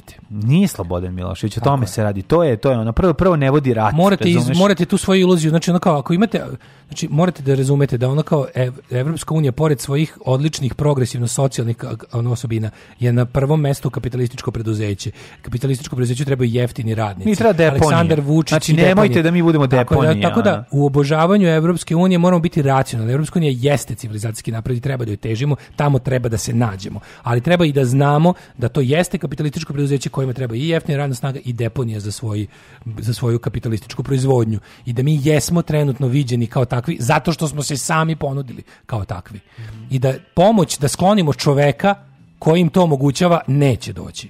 Neće doći. Mi možemo njima jedino da pokažemo da možemo da budemo isto uh, kao šta mi, mi smo sad dospeli u priliku da mi dospeli smo situaciju da moramo da objasnimo celom svetu da eto mi ne moramo da budemo kolonija poslušnih motača kablova kojima upravlja nemilosrdni sadista, nego da možemo isto da učestvujemo u, kao u nekakvoj proizvodnji, privrednoj razmeni i ostalo po nekim drugim osnovama. Kada probamo da da im kažemo znaš kao, primite nas iako, iako nismo samo poslušni robovi. Imamo da ponudimo možda i nešto drugo, mislim, tužno je, ali je tako. Pa tužno, ali mislim, ne znam ja, ovaj, oči, mi moramo da prihvatimo pravo jednu stvar, a to je da znači njega Evropska unija i Amerika žele na tom mestu ovaj, na kom se sad nalazi. Dakle, tu neće doći do bilo kakve akcije, ovaj, bilo kakve pomoći bilo kakvog ovaj finansijske inekcije za borbu protiv njega. Dakle tu se neće desiti. Drugo, to je to je najvažnija stvar jer to ti ne shvataš, mislim to kad se desi, tu onda mo, tu je onda moguće takođe nemojmo očekivati da će sa desna doći bilo šta progresivno i dobro. Sve dakle, preskočimo. Sve imbecilčine, da, da. imbecilne iz dveri, koji izdaju saopštenje. Uh, politički savjet dveri upozorava roditelje da je izuzetno povedu računa zbog odluke da se vakcinišu deca. Da, pa vi ste svinje, vi ste da. glupe fašističke svinje iz 13. veka pizdava materina pokvarena. To je Kako može? To je Boško Vrećin, da. on je inteligentan, on je komand, kom, komandant Waterford. Znači, da. to je, juče, juče se završila sezona Handmaid's Tale. Mm -hmm. uh, moram da kažem da u odnosu na početak sezone kraj je bio odličan, drago mi što sam gledao i bit će još jedna, mislim da kraj serije, iskreno. Mislim mm -hmm. sam mhm. da kraj serije, mogo, mogla bi tu komotno se završi serija. Ali ovaj beži da iz Kanade traži. Bila je super jedna rečenica. Znači, traži znači, azil verujem da je vredelo gledati celu tu seriju ako da. nisu zbog jedne rečenice kad je tu došlo do toga da da zlikovcima iz Gila da međunarodni da. sud ponudi saradnju u zamenu za mm. da budu svedoci saradnici, žene koje su bile žrtve mm. su popizdale na to. I sad kao kada vi objašnjavaju da to it's all politics i kako to već ide, onda ona kaže, ono je genijalno rečenicu kao weak man they make the world go round. Pa, da. to je tako tačno, tako dobro formulisano. Znači, ja sam bude to, ono, daš pomisla, tako lepo i jednostavno rečeno, slabi muškarci, oko njih, oni čine, zapravo oko njih se okreće svet, bi bio da. pravi prevod mm. ovaj, na, na, na naš jezik. Ovaj, da je to stvarno tačno. Znači, mi smo stvarno, ono, kad pogledaš, pogotovo, u, u, naš, pa Dobro, to je ono što svugde, mi kažemo da svugde gde nema to. institucija preuzimaju ono kao jedina zbrana toga da jačaš neke društvene institucije, ali u principu čak čak i u, i u, i u razvijenim i normalnim onako državama pogledaš ko, ko, ko želi da glabi, grabi vlast. To, sve su weak men jebote. Sve su slabi muškarci. Sve su neki kompleksaši i, i gadovi koji se svete celom svetu. To je bilo gde i u Evropi i u svetu. Mislim nije to kako nije to samo za nas. Znaš, i onda gledaš, gledaš zašto bi neko ko je ono, zašto bi neko poput Boška Brajića koji je onako zdrav, prav, normalan, lep čovjek, uvek. A tome da ima i partizansko ime. Le, on, je, on je zdrav, prav, zdrav, prav, lep čovjek sa obrazovanjem Zašto je on našao svoju nišu i svoje tržište u prodavanju neznanja i straha ljudima? Ne znam, ali Znaš, očigledno ono, tu se tu dobro pliva, mislim. Znaš, ja. Da. bukvalno našao tih svojih ono 5% naroda Srbije koji će ga fanatično pratiti u tim njegovim gileadskim, idiotskim ono, ovaj, pa avanturama. Ti misliš da on zaista veruje da vakcine sadrže nešto? Mislim da zaista ne veruje u njegovom ja, Za njega, da sam mislio, za njega sam recimo mislio, pre sam mislio da je fanatičan, ali kad sam, što sam ga duže izučavao, što sam ga više gledao, on je, on je, on je pravi političar. Ja. Pa da. On je pravi političar. Uh, verujem recimo, sve manje verujem da je, da je fanatik te svoje desne misli i mislim okay. da može, možda čak je, možda se i on čak zmenjao, razumeš? To je slično kao za Vučića, slično kao za da. Vučića. Znači ja, ja sam siguran da je Vučić sa 16 godina najviše na svetu želeo da ono da um, da, da, da, pogine proterajući Hrvate. Da, to je. Da, da, da. Ali isto tako verujem da Vučić oportunista nije napustio te ideje skroz, on bi dalje voleo svet bez Hrvata. Ali shvatio da se to neće desiti, pa je onda uzeo najbolju sledeću stvar, a to je da bude bogat u svetu s Hrvatima. Da, ali moraš, ne smiješ govoriti da. još jednu stvar. Ne smiješ govoriti, mi, u, znaš, kao, mi živimo na, na kultu žrtve. Znaš, kao, nije njemu cilj da ne postoje Hrvati. Na, o tome se radi. Mi je nama moraju da postoje Hrvati kao neki koji su nama i svi okalne pa komšije koji su počinile toliko lošeg nama. Razumeš, da, mi stalno naravno, imamo taj, da, da, da. ti onda ako bi mi, znači kao A šta su oni nam radili? Na, na, to su naše pobede poraza, razumeš, koje mi imamo stalno, razumeš, ono po, poraz je taj koji nas uh, ko, poraz, ko mi stalno furamo. Poraz za nacionalizam vredi više od pobede. Tako je, Poraz je to. upotrebna vrednost poraz je mnogo veća mm. od pobede. Da, da, da, tako da Stvarno to... jebote ispade da mi naša jedina naša jedina pobednička epoha je bila epoha socijalizma. Pa da. Znači da smo mi rekli gradimo zemlju. I mi se ne osećamo dobro Gradimo zemlju i društvo na jednoj velikoj pobedi. Da, e, ne, nemoj, to ne ide. Nemoj. To izdrži 35 godina. Tako je, 40. Tako to izdrži 45 godina. Bolje je bio porez. 45, izvinjavam se. Da, da. Znači, ali zadnjih 10 smo se već, ono, već smo smrdeli na poraz. Već smo se setili da nam je poraz draži. Zadnjih, ono, do, do sredina 80 smo već malo užalili poraza. I onda kad pogledaš stvarno, kad smo gladili epohu društva i uopšte društva i narativ da. na pobedu, nismo se snašli. Vratimo Kažete, se na... Kosovski mit poraz. Vratimo Košare, se na kosti, poraz, klanje, nejač. Knin poraz. Naše sve Vratimo ono, se na planje, pa da. nejač, stradalništvo, patnju, kočeve, klince pod noktima i ostale. Tu plivamo ko blesevi. Da, imamo taj mazohistički pristup ne, koji je ono koji prosto ono to je, to je, kako ti kažemo, ono luzersko opravdanje za neuspešnost, za nesnalaženje u savremenom svetu. Tipa, znaš, mi smo uvek bili mi smo uvek bili, mi, mi smo žrtve okolnosti, mi ne da. upravljamo svojim sudbinama, samim tim ni svojim zemljama.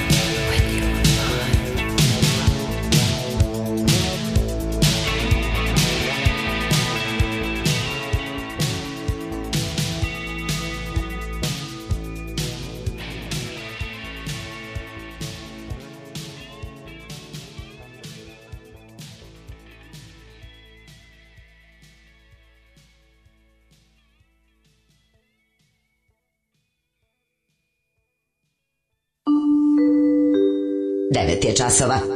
Radio Taško i Mlađa. Prvi program. E, 9 sati 16 minuta, treći sat, treći sat, e, da vidimo Se malo razgaćimo. Mm -hmm. Kaže ovako, Boško Mradić nije lep čovjek, njegova faca vrišti, nemanje potencijala ni za što osim za zavođenje brown studentkinje iz provincije, pa čak ni to ne ume pametno da koristi. I back to the reef differ, Boško je lep. Dobro, stvar ukusa, ovo meni se recimo sviđa. Daško ne može da prežališ što Boško nije partizan i to je jedina istina.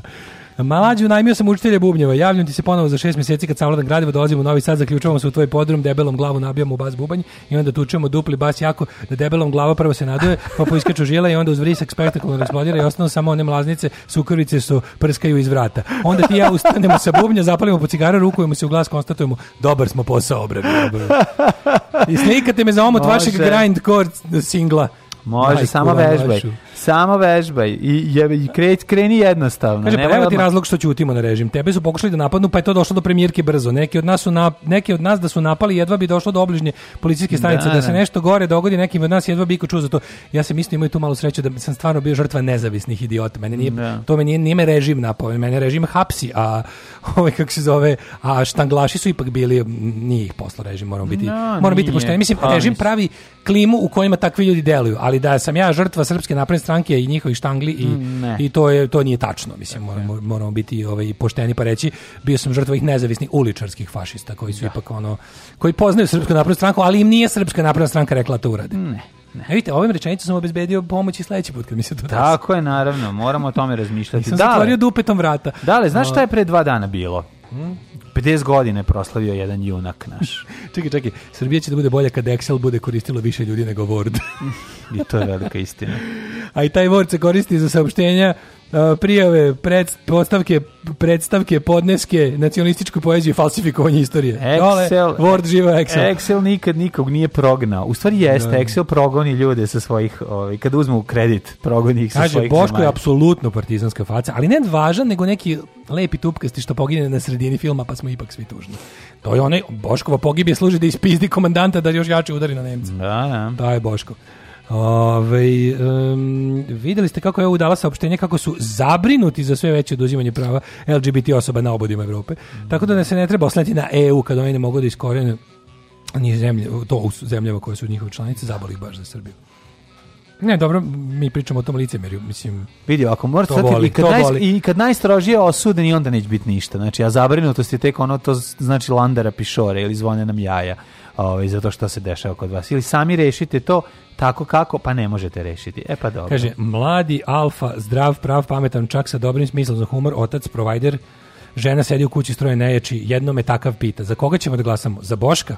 Gledam, ne verujem. Na takve likove Obradović računa. Udara im na pa taj da. patrijarhalno domaćinski mod. Jeste, jeste, zna. Pa, mislim, ljudi, morate shvatiti još jednom, ono je Srbija, ta patrijarhalno domaćinska Srbija je to. Mislim, je, je, je, devet, je We 70... We shall not overcome. Ne radi se o tome, nego samo treba biti realan, znati šta je da bi naravno, se moglo lakše. Bravo, tako, time... to mi uvek kažemo, to mi uvek pa, kažemo. Da, znaš, kao ne znači, možemo... Znači, ne pucajte u glasnika. Onaj ko vam kaže kako stvari stoje, vam je prijatelj. Pa naravno, mislim, kao, znaš, kao moramo znati da je to tako. Mm. Mislim, domaćinska Srbija je, je većinska Srbija. Da. Tako ja misli Kaže, najgori su ovi podkazi, da su... najgori su ovi podkazivači, to su ovi ljudi što vas ne slušaju uživo nego na podkazu. A, tako takozvani podkazivači. Jeste, stvarno, to je, to je, to je, to je da. društveni problem ove zemlje. Da.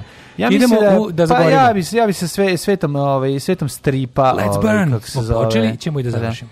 Hoćemo, ono, hoću ti kažem da je 50 godina slavi jedan, ne znam da si čuo za nekada za Patrika Stewart. Kako, nije Patrika Stewart, ja, Pat, Patrika Wildinga. Wildinga, Patrick da. Patrick Stewart je ovaj, da, kako je glumac. glumac. Da, znači čuo za Patrika Pričat ćemo Wildinga. o Patriku Wildingu. Ne mi govori je. Neću, neću. Pričat ćemo o Patriku Wildingu, stanovniku malog mesta ovaj, Mračna šuma. Da, ja moraš da otkrivaš. Hoću ti kažem da ima 50 godina i da je već čovek... Živi u Mračnoj šumi kod Aranđelovca. u, već je čovjek u godinama, a treba ovaj treba u sekiru, mislim da. i tako. Tako da vidjet ćemo o njemu tako pošto da, prosto 50 godina. Iz naselja Mračnava kod da. kod e, Trstenika. Samo Vučić je čuo za to mesto. Alarm. Evo ti tvoje gospe sinske. Muči sreće. Svakog radnog jutra Alarm. od 7 do 10. Alarm.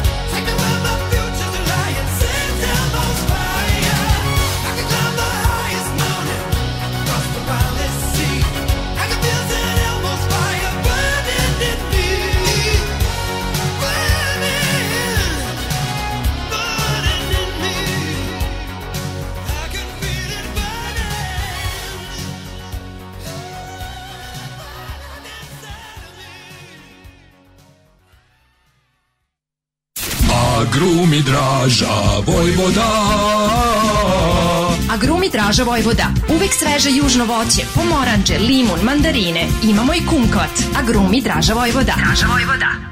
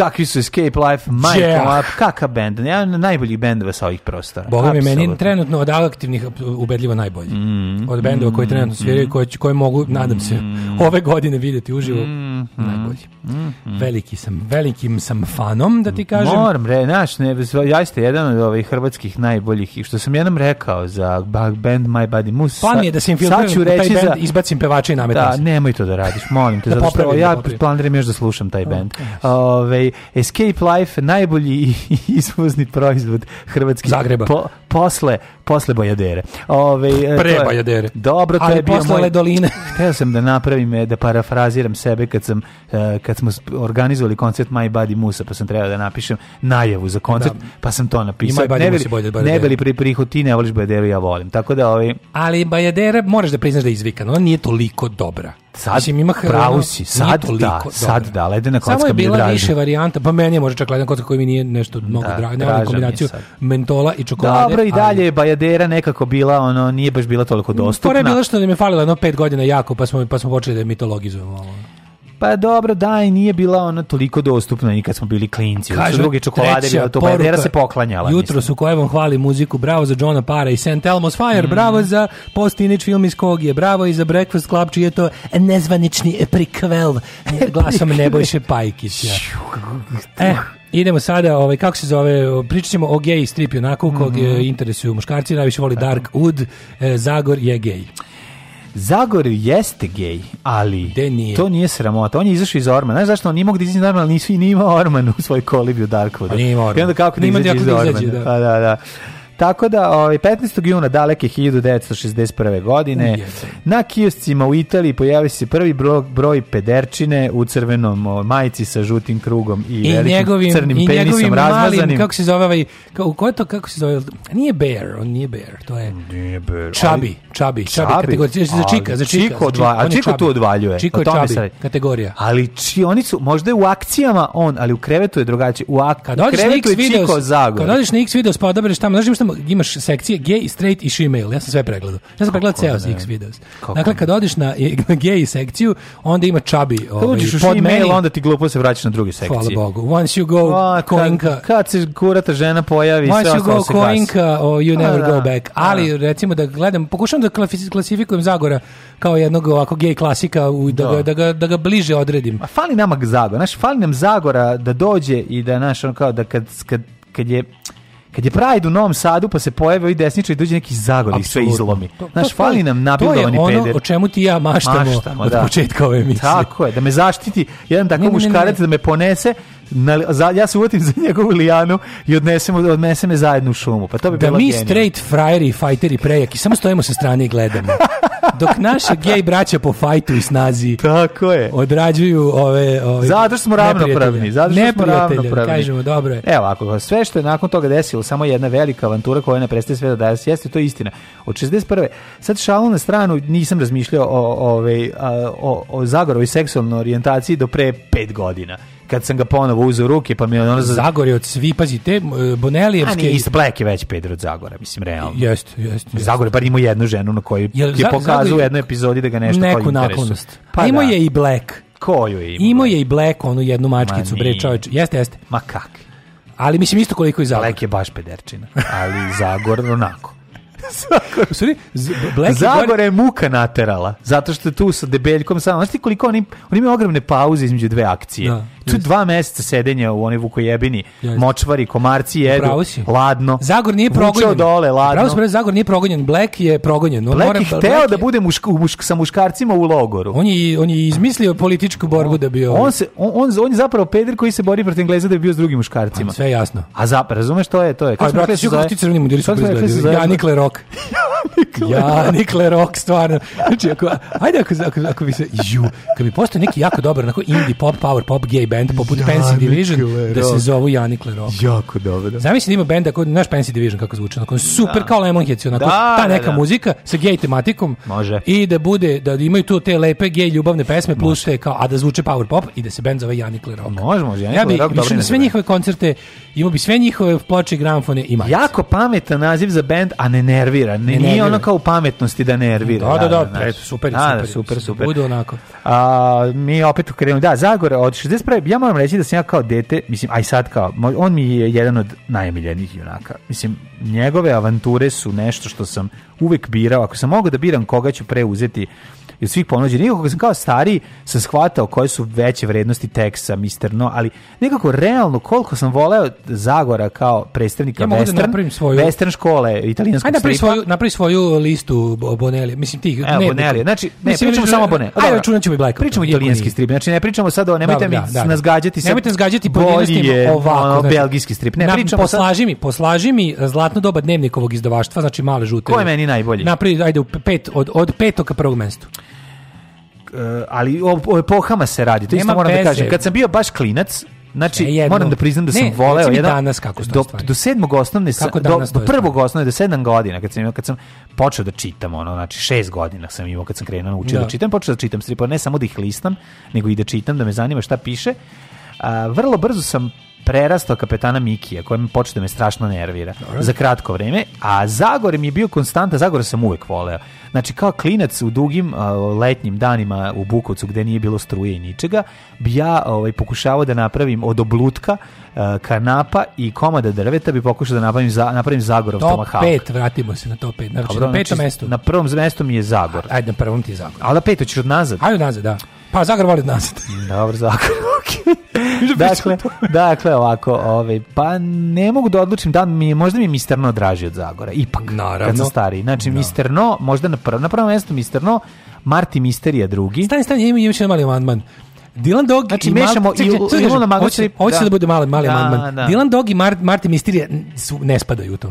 Znači, ali, ali ove ostavi spada. Mislim Martin Misterija Luna Meni su Dylan jesu, nije to je specijalno izdanje kao što je specijalno izdanje zlatne serije. Kao i ovaj ja, Mislim da bi specijalno da bi on bio i Luna Magos. Da, sve, no, specijalno izdanje nije bio deo zlat, ovaj Dylan Dog je bio specijalno izdanje zlatne serije. Ja moram reći da je najbolji strip iz mog detinjstva kad sam bio klinac, da, koji je. je najlepši, je. najbolje dve epizode, je. to je Martin Misterija, va, a, ovaj vampir u Njujorku i proklestvo vampira. Znači da, te da, dve koje se nastavljaju. Te dve koje se nastavljaju, Znam, to, ali to mi je bio najbolji strip ikada koji sam tu se pomešala istorija, ono sve što se najviše volio, istorija, vampiri, horor i, i New York. Da, da, da. A misliš, šta ja, bi, ja bih Dylan Dog i Martin Mysterio stavio kao posebno, pa bi okay. ostavio ove malo okay, borce, zemarske stripe. Borce protiv nadprirodnog da, i ove... I, zemarski stripovi, top 5 da, zemarskih stripova. Dobro, to je opet zemarski. Va, ma, ma, Martin Mysterio, ovaj, uh, uh, Mister No, prvo, prvi. Ajde, može prvo. Prvo mesto Mister No, drugo mesto Zagor, treće mesto Tex, četvrto, četvrto mesto Komadant Mark, peto mesto Black. Može. Jeli, I na listu ne upadaju, znači mrzeo sam, mrzeo sam jebeno kapetana Mike. To je, da, da. To je, A moram to reći, ma, to stari Kit Teller mi je bio jako dobar. A Kit Teller je bolji od kapetana Mike. Znači, iako su Teller... u glavi bili nekako, ne, za, kao, zašto su kao... Zašto, stari Kit Teller dobar sred. Zato što ga njega zovu Mali Ranger, pa mi je zato bilo kao, ovaj, znaš,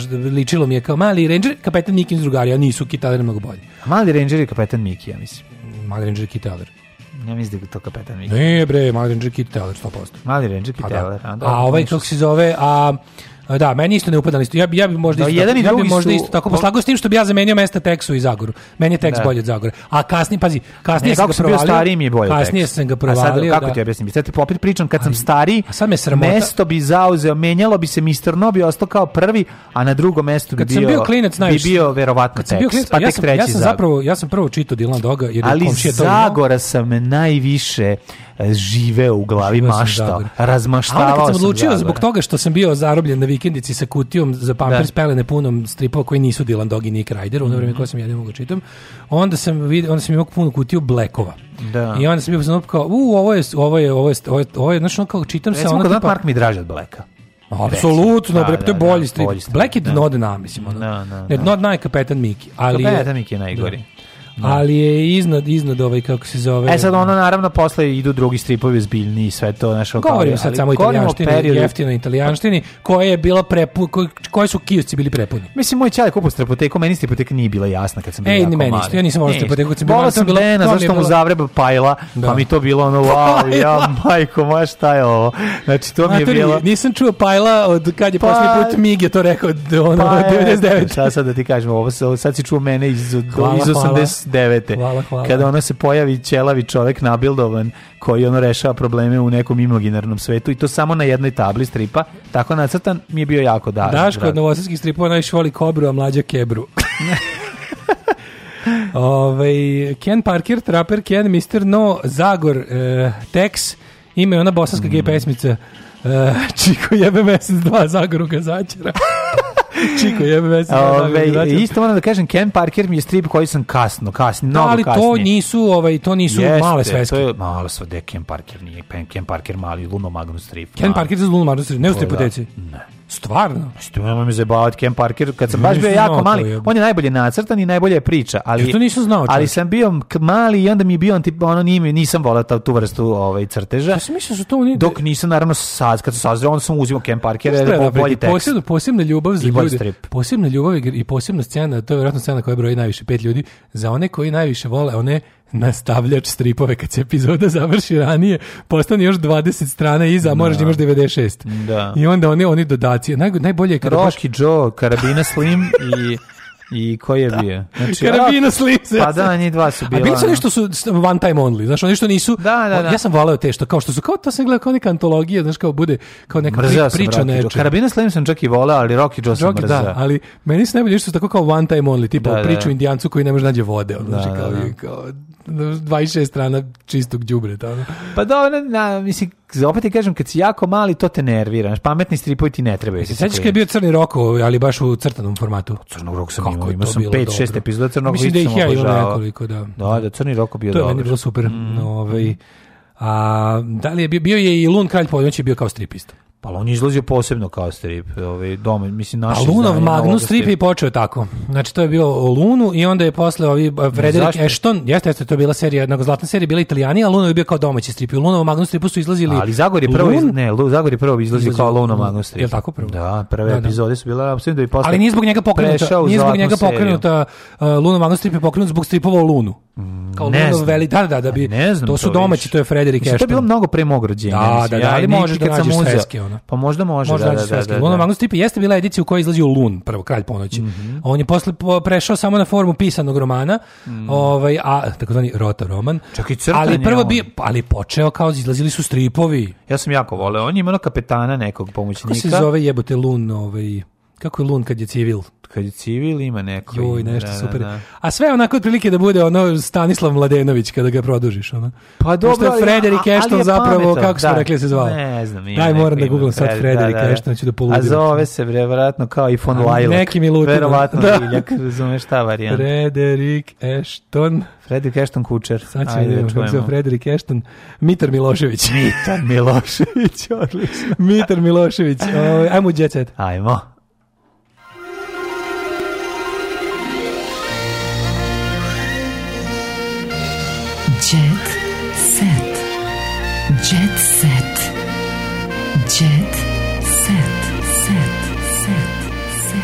sad vas volim još više nego pre, nego ikad. U sobi imam kompletnu kolekciju Mr. No, fali mi desetak dnevnikov. Kako izdanja. je dobar Mr. No, čoveče. Mr. No je najbolji stripista. Trapper Carey, horror western scenarij, pisao sklavi tvorac Dilana Doga, svuda po Evropi cenjen, izdavan kao nezavisan strip, a kod nas išao iza komandanta Marka. Au. Da, da, da.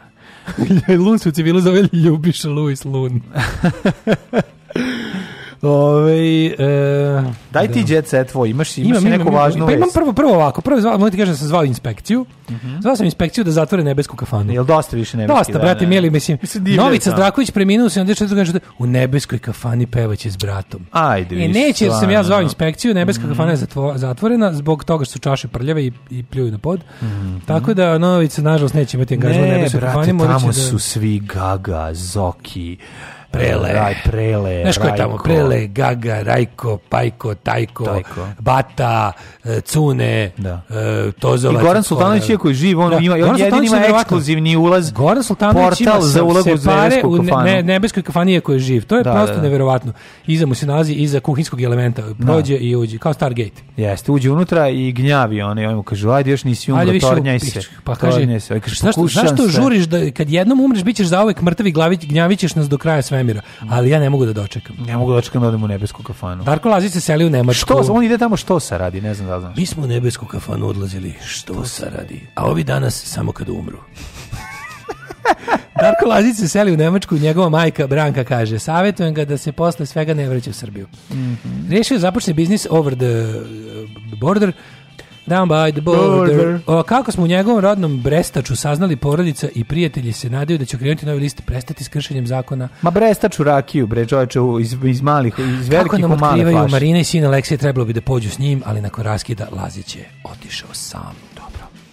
Luksuz u Srbiji. Ana i Švajni dali 440.000 evara za apartman u Vrnjačkoj banji. Slavni par pazario nekretninu od 160 kvadrata u strogom centru naše najposjećenije banje u kojoj će moći se odmaraju od, od, od leta sledeće godine. Pa neće valjda, čekaj, izvinite, oni to, oni to, oni to kupuju za stare dane. Kad budu bili stari, da, kad da. budu trebali da idu u banju, oni su još mladi. For under the old days. Šta ih briga breza, za, ne treba mi još da. banja. A možda za roditelje, možda za Zamislite s tom ekipom kako miri kako kako miriše nebeski klozet u nebeskoj mm, kafani.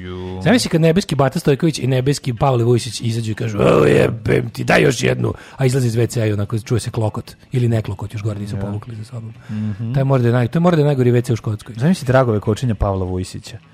Uh, košarkaš okupio društvo van Beograda. Mm -hmm. Nedović napravio žurku na bazenu za 30. rođendan. Joj, slušaj, ovo, ovo je preslatko. Su... Deda u provodu, Gagi izveo devojku na večeru, častio zbog rođenja unuke Mije. Ja, zamisli, Meni zamisli sve, ja meni Devojko, sve izgleda. Kako, ajde, mislim, ajde za potrebe da izmislim kako zove, recimo kako zove devojka devojka ovaj se zove i napravio je Senfi. Uh, Aj, devojka, ovaj mogu čisto zbog skeča. A jebi ga. Treba mi ime. Dragana. Dragana. Dragana.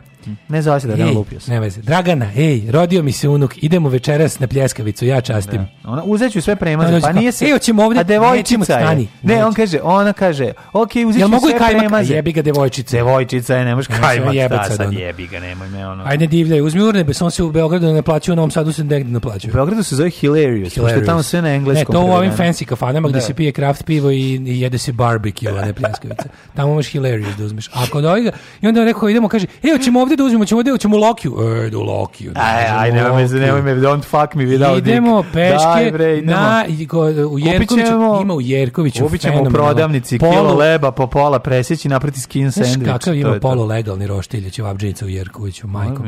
Nije nego puta, više konjernik. Mm -hmm. Konjernik zapravo. To je, to je neverovatno. To je sa sve limenjim tanjirima kao iz Sarajeva i mesom od... Reći ću samo da nema pasa lutalica u kraju. dobro, dobro. No, Tako da verujem da Gagi ono ozbiljno rekao, ne, ne, ne, idemo od... na žužu, idemo idemo, ne, vodim zašto te u pekaru. Meni, zašto, evo, zašto ovo vodim te u pekaru. Koja je ovo kafana? Meni ovo sve izgleda kao... Ne, moja mala smrdljiva ustrana kafanica. Nije moja mala smrdljiva, ovo izgleda kao... A ne, ovo je više, ovo je više, ovo je više Karadžorđe vajat. Nije ni to. Sve ti izgleda kao zadruga. Pa ko zadruga izgleda, ja mislim da su i dalje u da. realitiju, znaš, ne mogu pa da... Kafane, kafane se dele na dve. Jedno je moja mala ustrana smrdljiva slatka stara kafanica. Koja je jako stara. To je koja je stara već 2040. Ima datiru 2021. Da, još, da, proleće. Ove, a imaš i ono kao imaš kad, kad malo to isto napraviš ono na prvoj livadi, onda je Hadži, Hadži Čika Karadžorđev krvavi vajat gde je seko Turke ne, ne, znači, Kenjaš, imali su, otvorili su se. Čim su seli u restoran, ponosni deda se uhvatio za glavu jer vidio da se naplaćuju. A ja, ne, kuver naplaćuju. Doneli im litru ne. vode. Ne, doneli im pa litru nisam vode, tražio. nisam naručio. Nećemo kuver 100 dinara. Ja. Kuver, da, da, da. Znači, a, na kraju, kaže, ako na kraju, nakon svega što je uzeo, naručio... Da li je Gagijeva devojka sada baba devojka? Kaže, čim su seli u restoran, ponosni deda je naručio hranu i piće, nije pitao šta košta, kako bi nazdravili. Na nije pitao šta košta ako je do 1000 dinara. Na kraju je rekao, platio sam, bežimo. Ove, ovaj, kaže ovako, Gagi je tada izvadio svoj telefon i odglumio epileptični napad. kad je bio kolika je cena. Gagi je tada izvadio iz džepa ubijenu prethodno pripravljenu muvu i ubacio u salatu. Prvo je pitao, prvo pitao svoju baba devojku, koja je sad baba devojka. Da, baba devojka. Uh, što od da- juče. Kako, ti tebe boli stomak od ove preskupe, salate koji mene, ona kaže ne, on uzme i pukne u dijap diafragmu. Kaže, au, sad me boli. Konobar, Konobar. molim vas, imamo grčeve, imamo salati je bilo grčeva. Izlebilo grčeva. Niste dobro oprali. Ja, ne, Gagi ima onu malu kuticu od Orvo filma, znaš, onako, znaš, lupu, kad kupiš film, pa ona... Ma, Orvo, obično ona, da, da, evo, da, tu, da. tu ima uvek tri mrtve muve. Naravno. Za kad ide u kafanu. Zavisi gde ide. I, zavisi, ima, ima posebne muve, ima ove veće za kad je mračnija kafana, da konobar jasno uoči. Da, da, da. I da. onda samo kada konobar, molim vas, treba, nakon što su je pojeli u palačinku, ubaci muvu mm -hmm. i kaže, konobar, na šta ovo liči? Mislim, šta je, šta je Da, ovo, da, da, da. mrtva muva. No. Da. Jo, gospodine, vi ste ovdje renovirani gost, jednom ste bili. On kaže kome, renovirani. na što ovo liči, a Konbar kaže, znam, ja sam se pitao zašto ste došli sa takvom devojkom. I tu je onda krenula fajt i, pa, ove, ovaj, i totalno ludjelo. Vuci me za reč. Po sad si mi to rekao. Znaš što ovo liči, znam, nisam da komentarišem, mislim, vaša devojka nije u redu. Ali kad mi već pitate, stvarno, mislim. da, odlično stara fora. Ove, inače, najbolje konobarsko bezobrazno pitanje za sve vas koji ste mladi šankeri je kada dođe neka nova devojka ili ovaj, samo sa ovim sa momkom, pa se prvi put pojave u, u, jel, u društvu, što se autuju se, što se kaže, onda ti, onda ti kažeš, budeš bezobrazan, prvo pitaš, ti si još uvijek, šta ti si još uvijek s njim? to je uvek, to je uvek fani i dobra je zabava. To Svi može, kažu, da. ej, odlična da, šala. Ja, ti uvek s nekom drugom devojkom na barice kad se našali, pa posle... Da, da, da. Tako da... A, Lošmi Panda otkrio da je zaljubljena Marija Mikić koja, kako je osvojio dečko. Odlično. Lošmi Panda, ne znam da znaš, to je posljednja Lošmi panda. panda je on jedina panda. Znaš kako se zgubilo panda? Zašto kad zato prdne, smrdi kad panda prdne. A, jer, a panda jede samo bambus. Jer ako živio zarobljeništvu na Instagramu. Zdravo. E, stani. Čekaj, da, prošli petak smo zaboravili. Prošli petak smo zaboravili što se da. odrazilo neviđeno. Yes. Jer ja svaki put kad izdeklamujem ove sledeće rečenice, to bude dobro po nas. A one glase ovako. Patreon.com kroz Daško i Mlađa, mm -hmm. Paypal, OTP, Exvoban. Um, hvala vam na podrškama, nastavite samo žustro, jako boj, brže, jače, bolje. E, hvala što nas podržavate, nastavite tako, čujemo se u ponedjeljak, odmorite se. Ćavo! Oh, Tekst čitali Mladin Urdarević mm, i Daško Milinović. Ton majstor Richard Merc. Realizacija Slavko Tatić. Urednik programa za mlade Donka Špiček. Alarms svakog radnog jutra od 7 do 10. Oh, you touch my tra-la-la.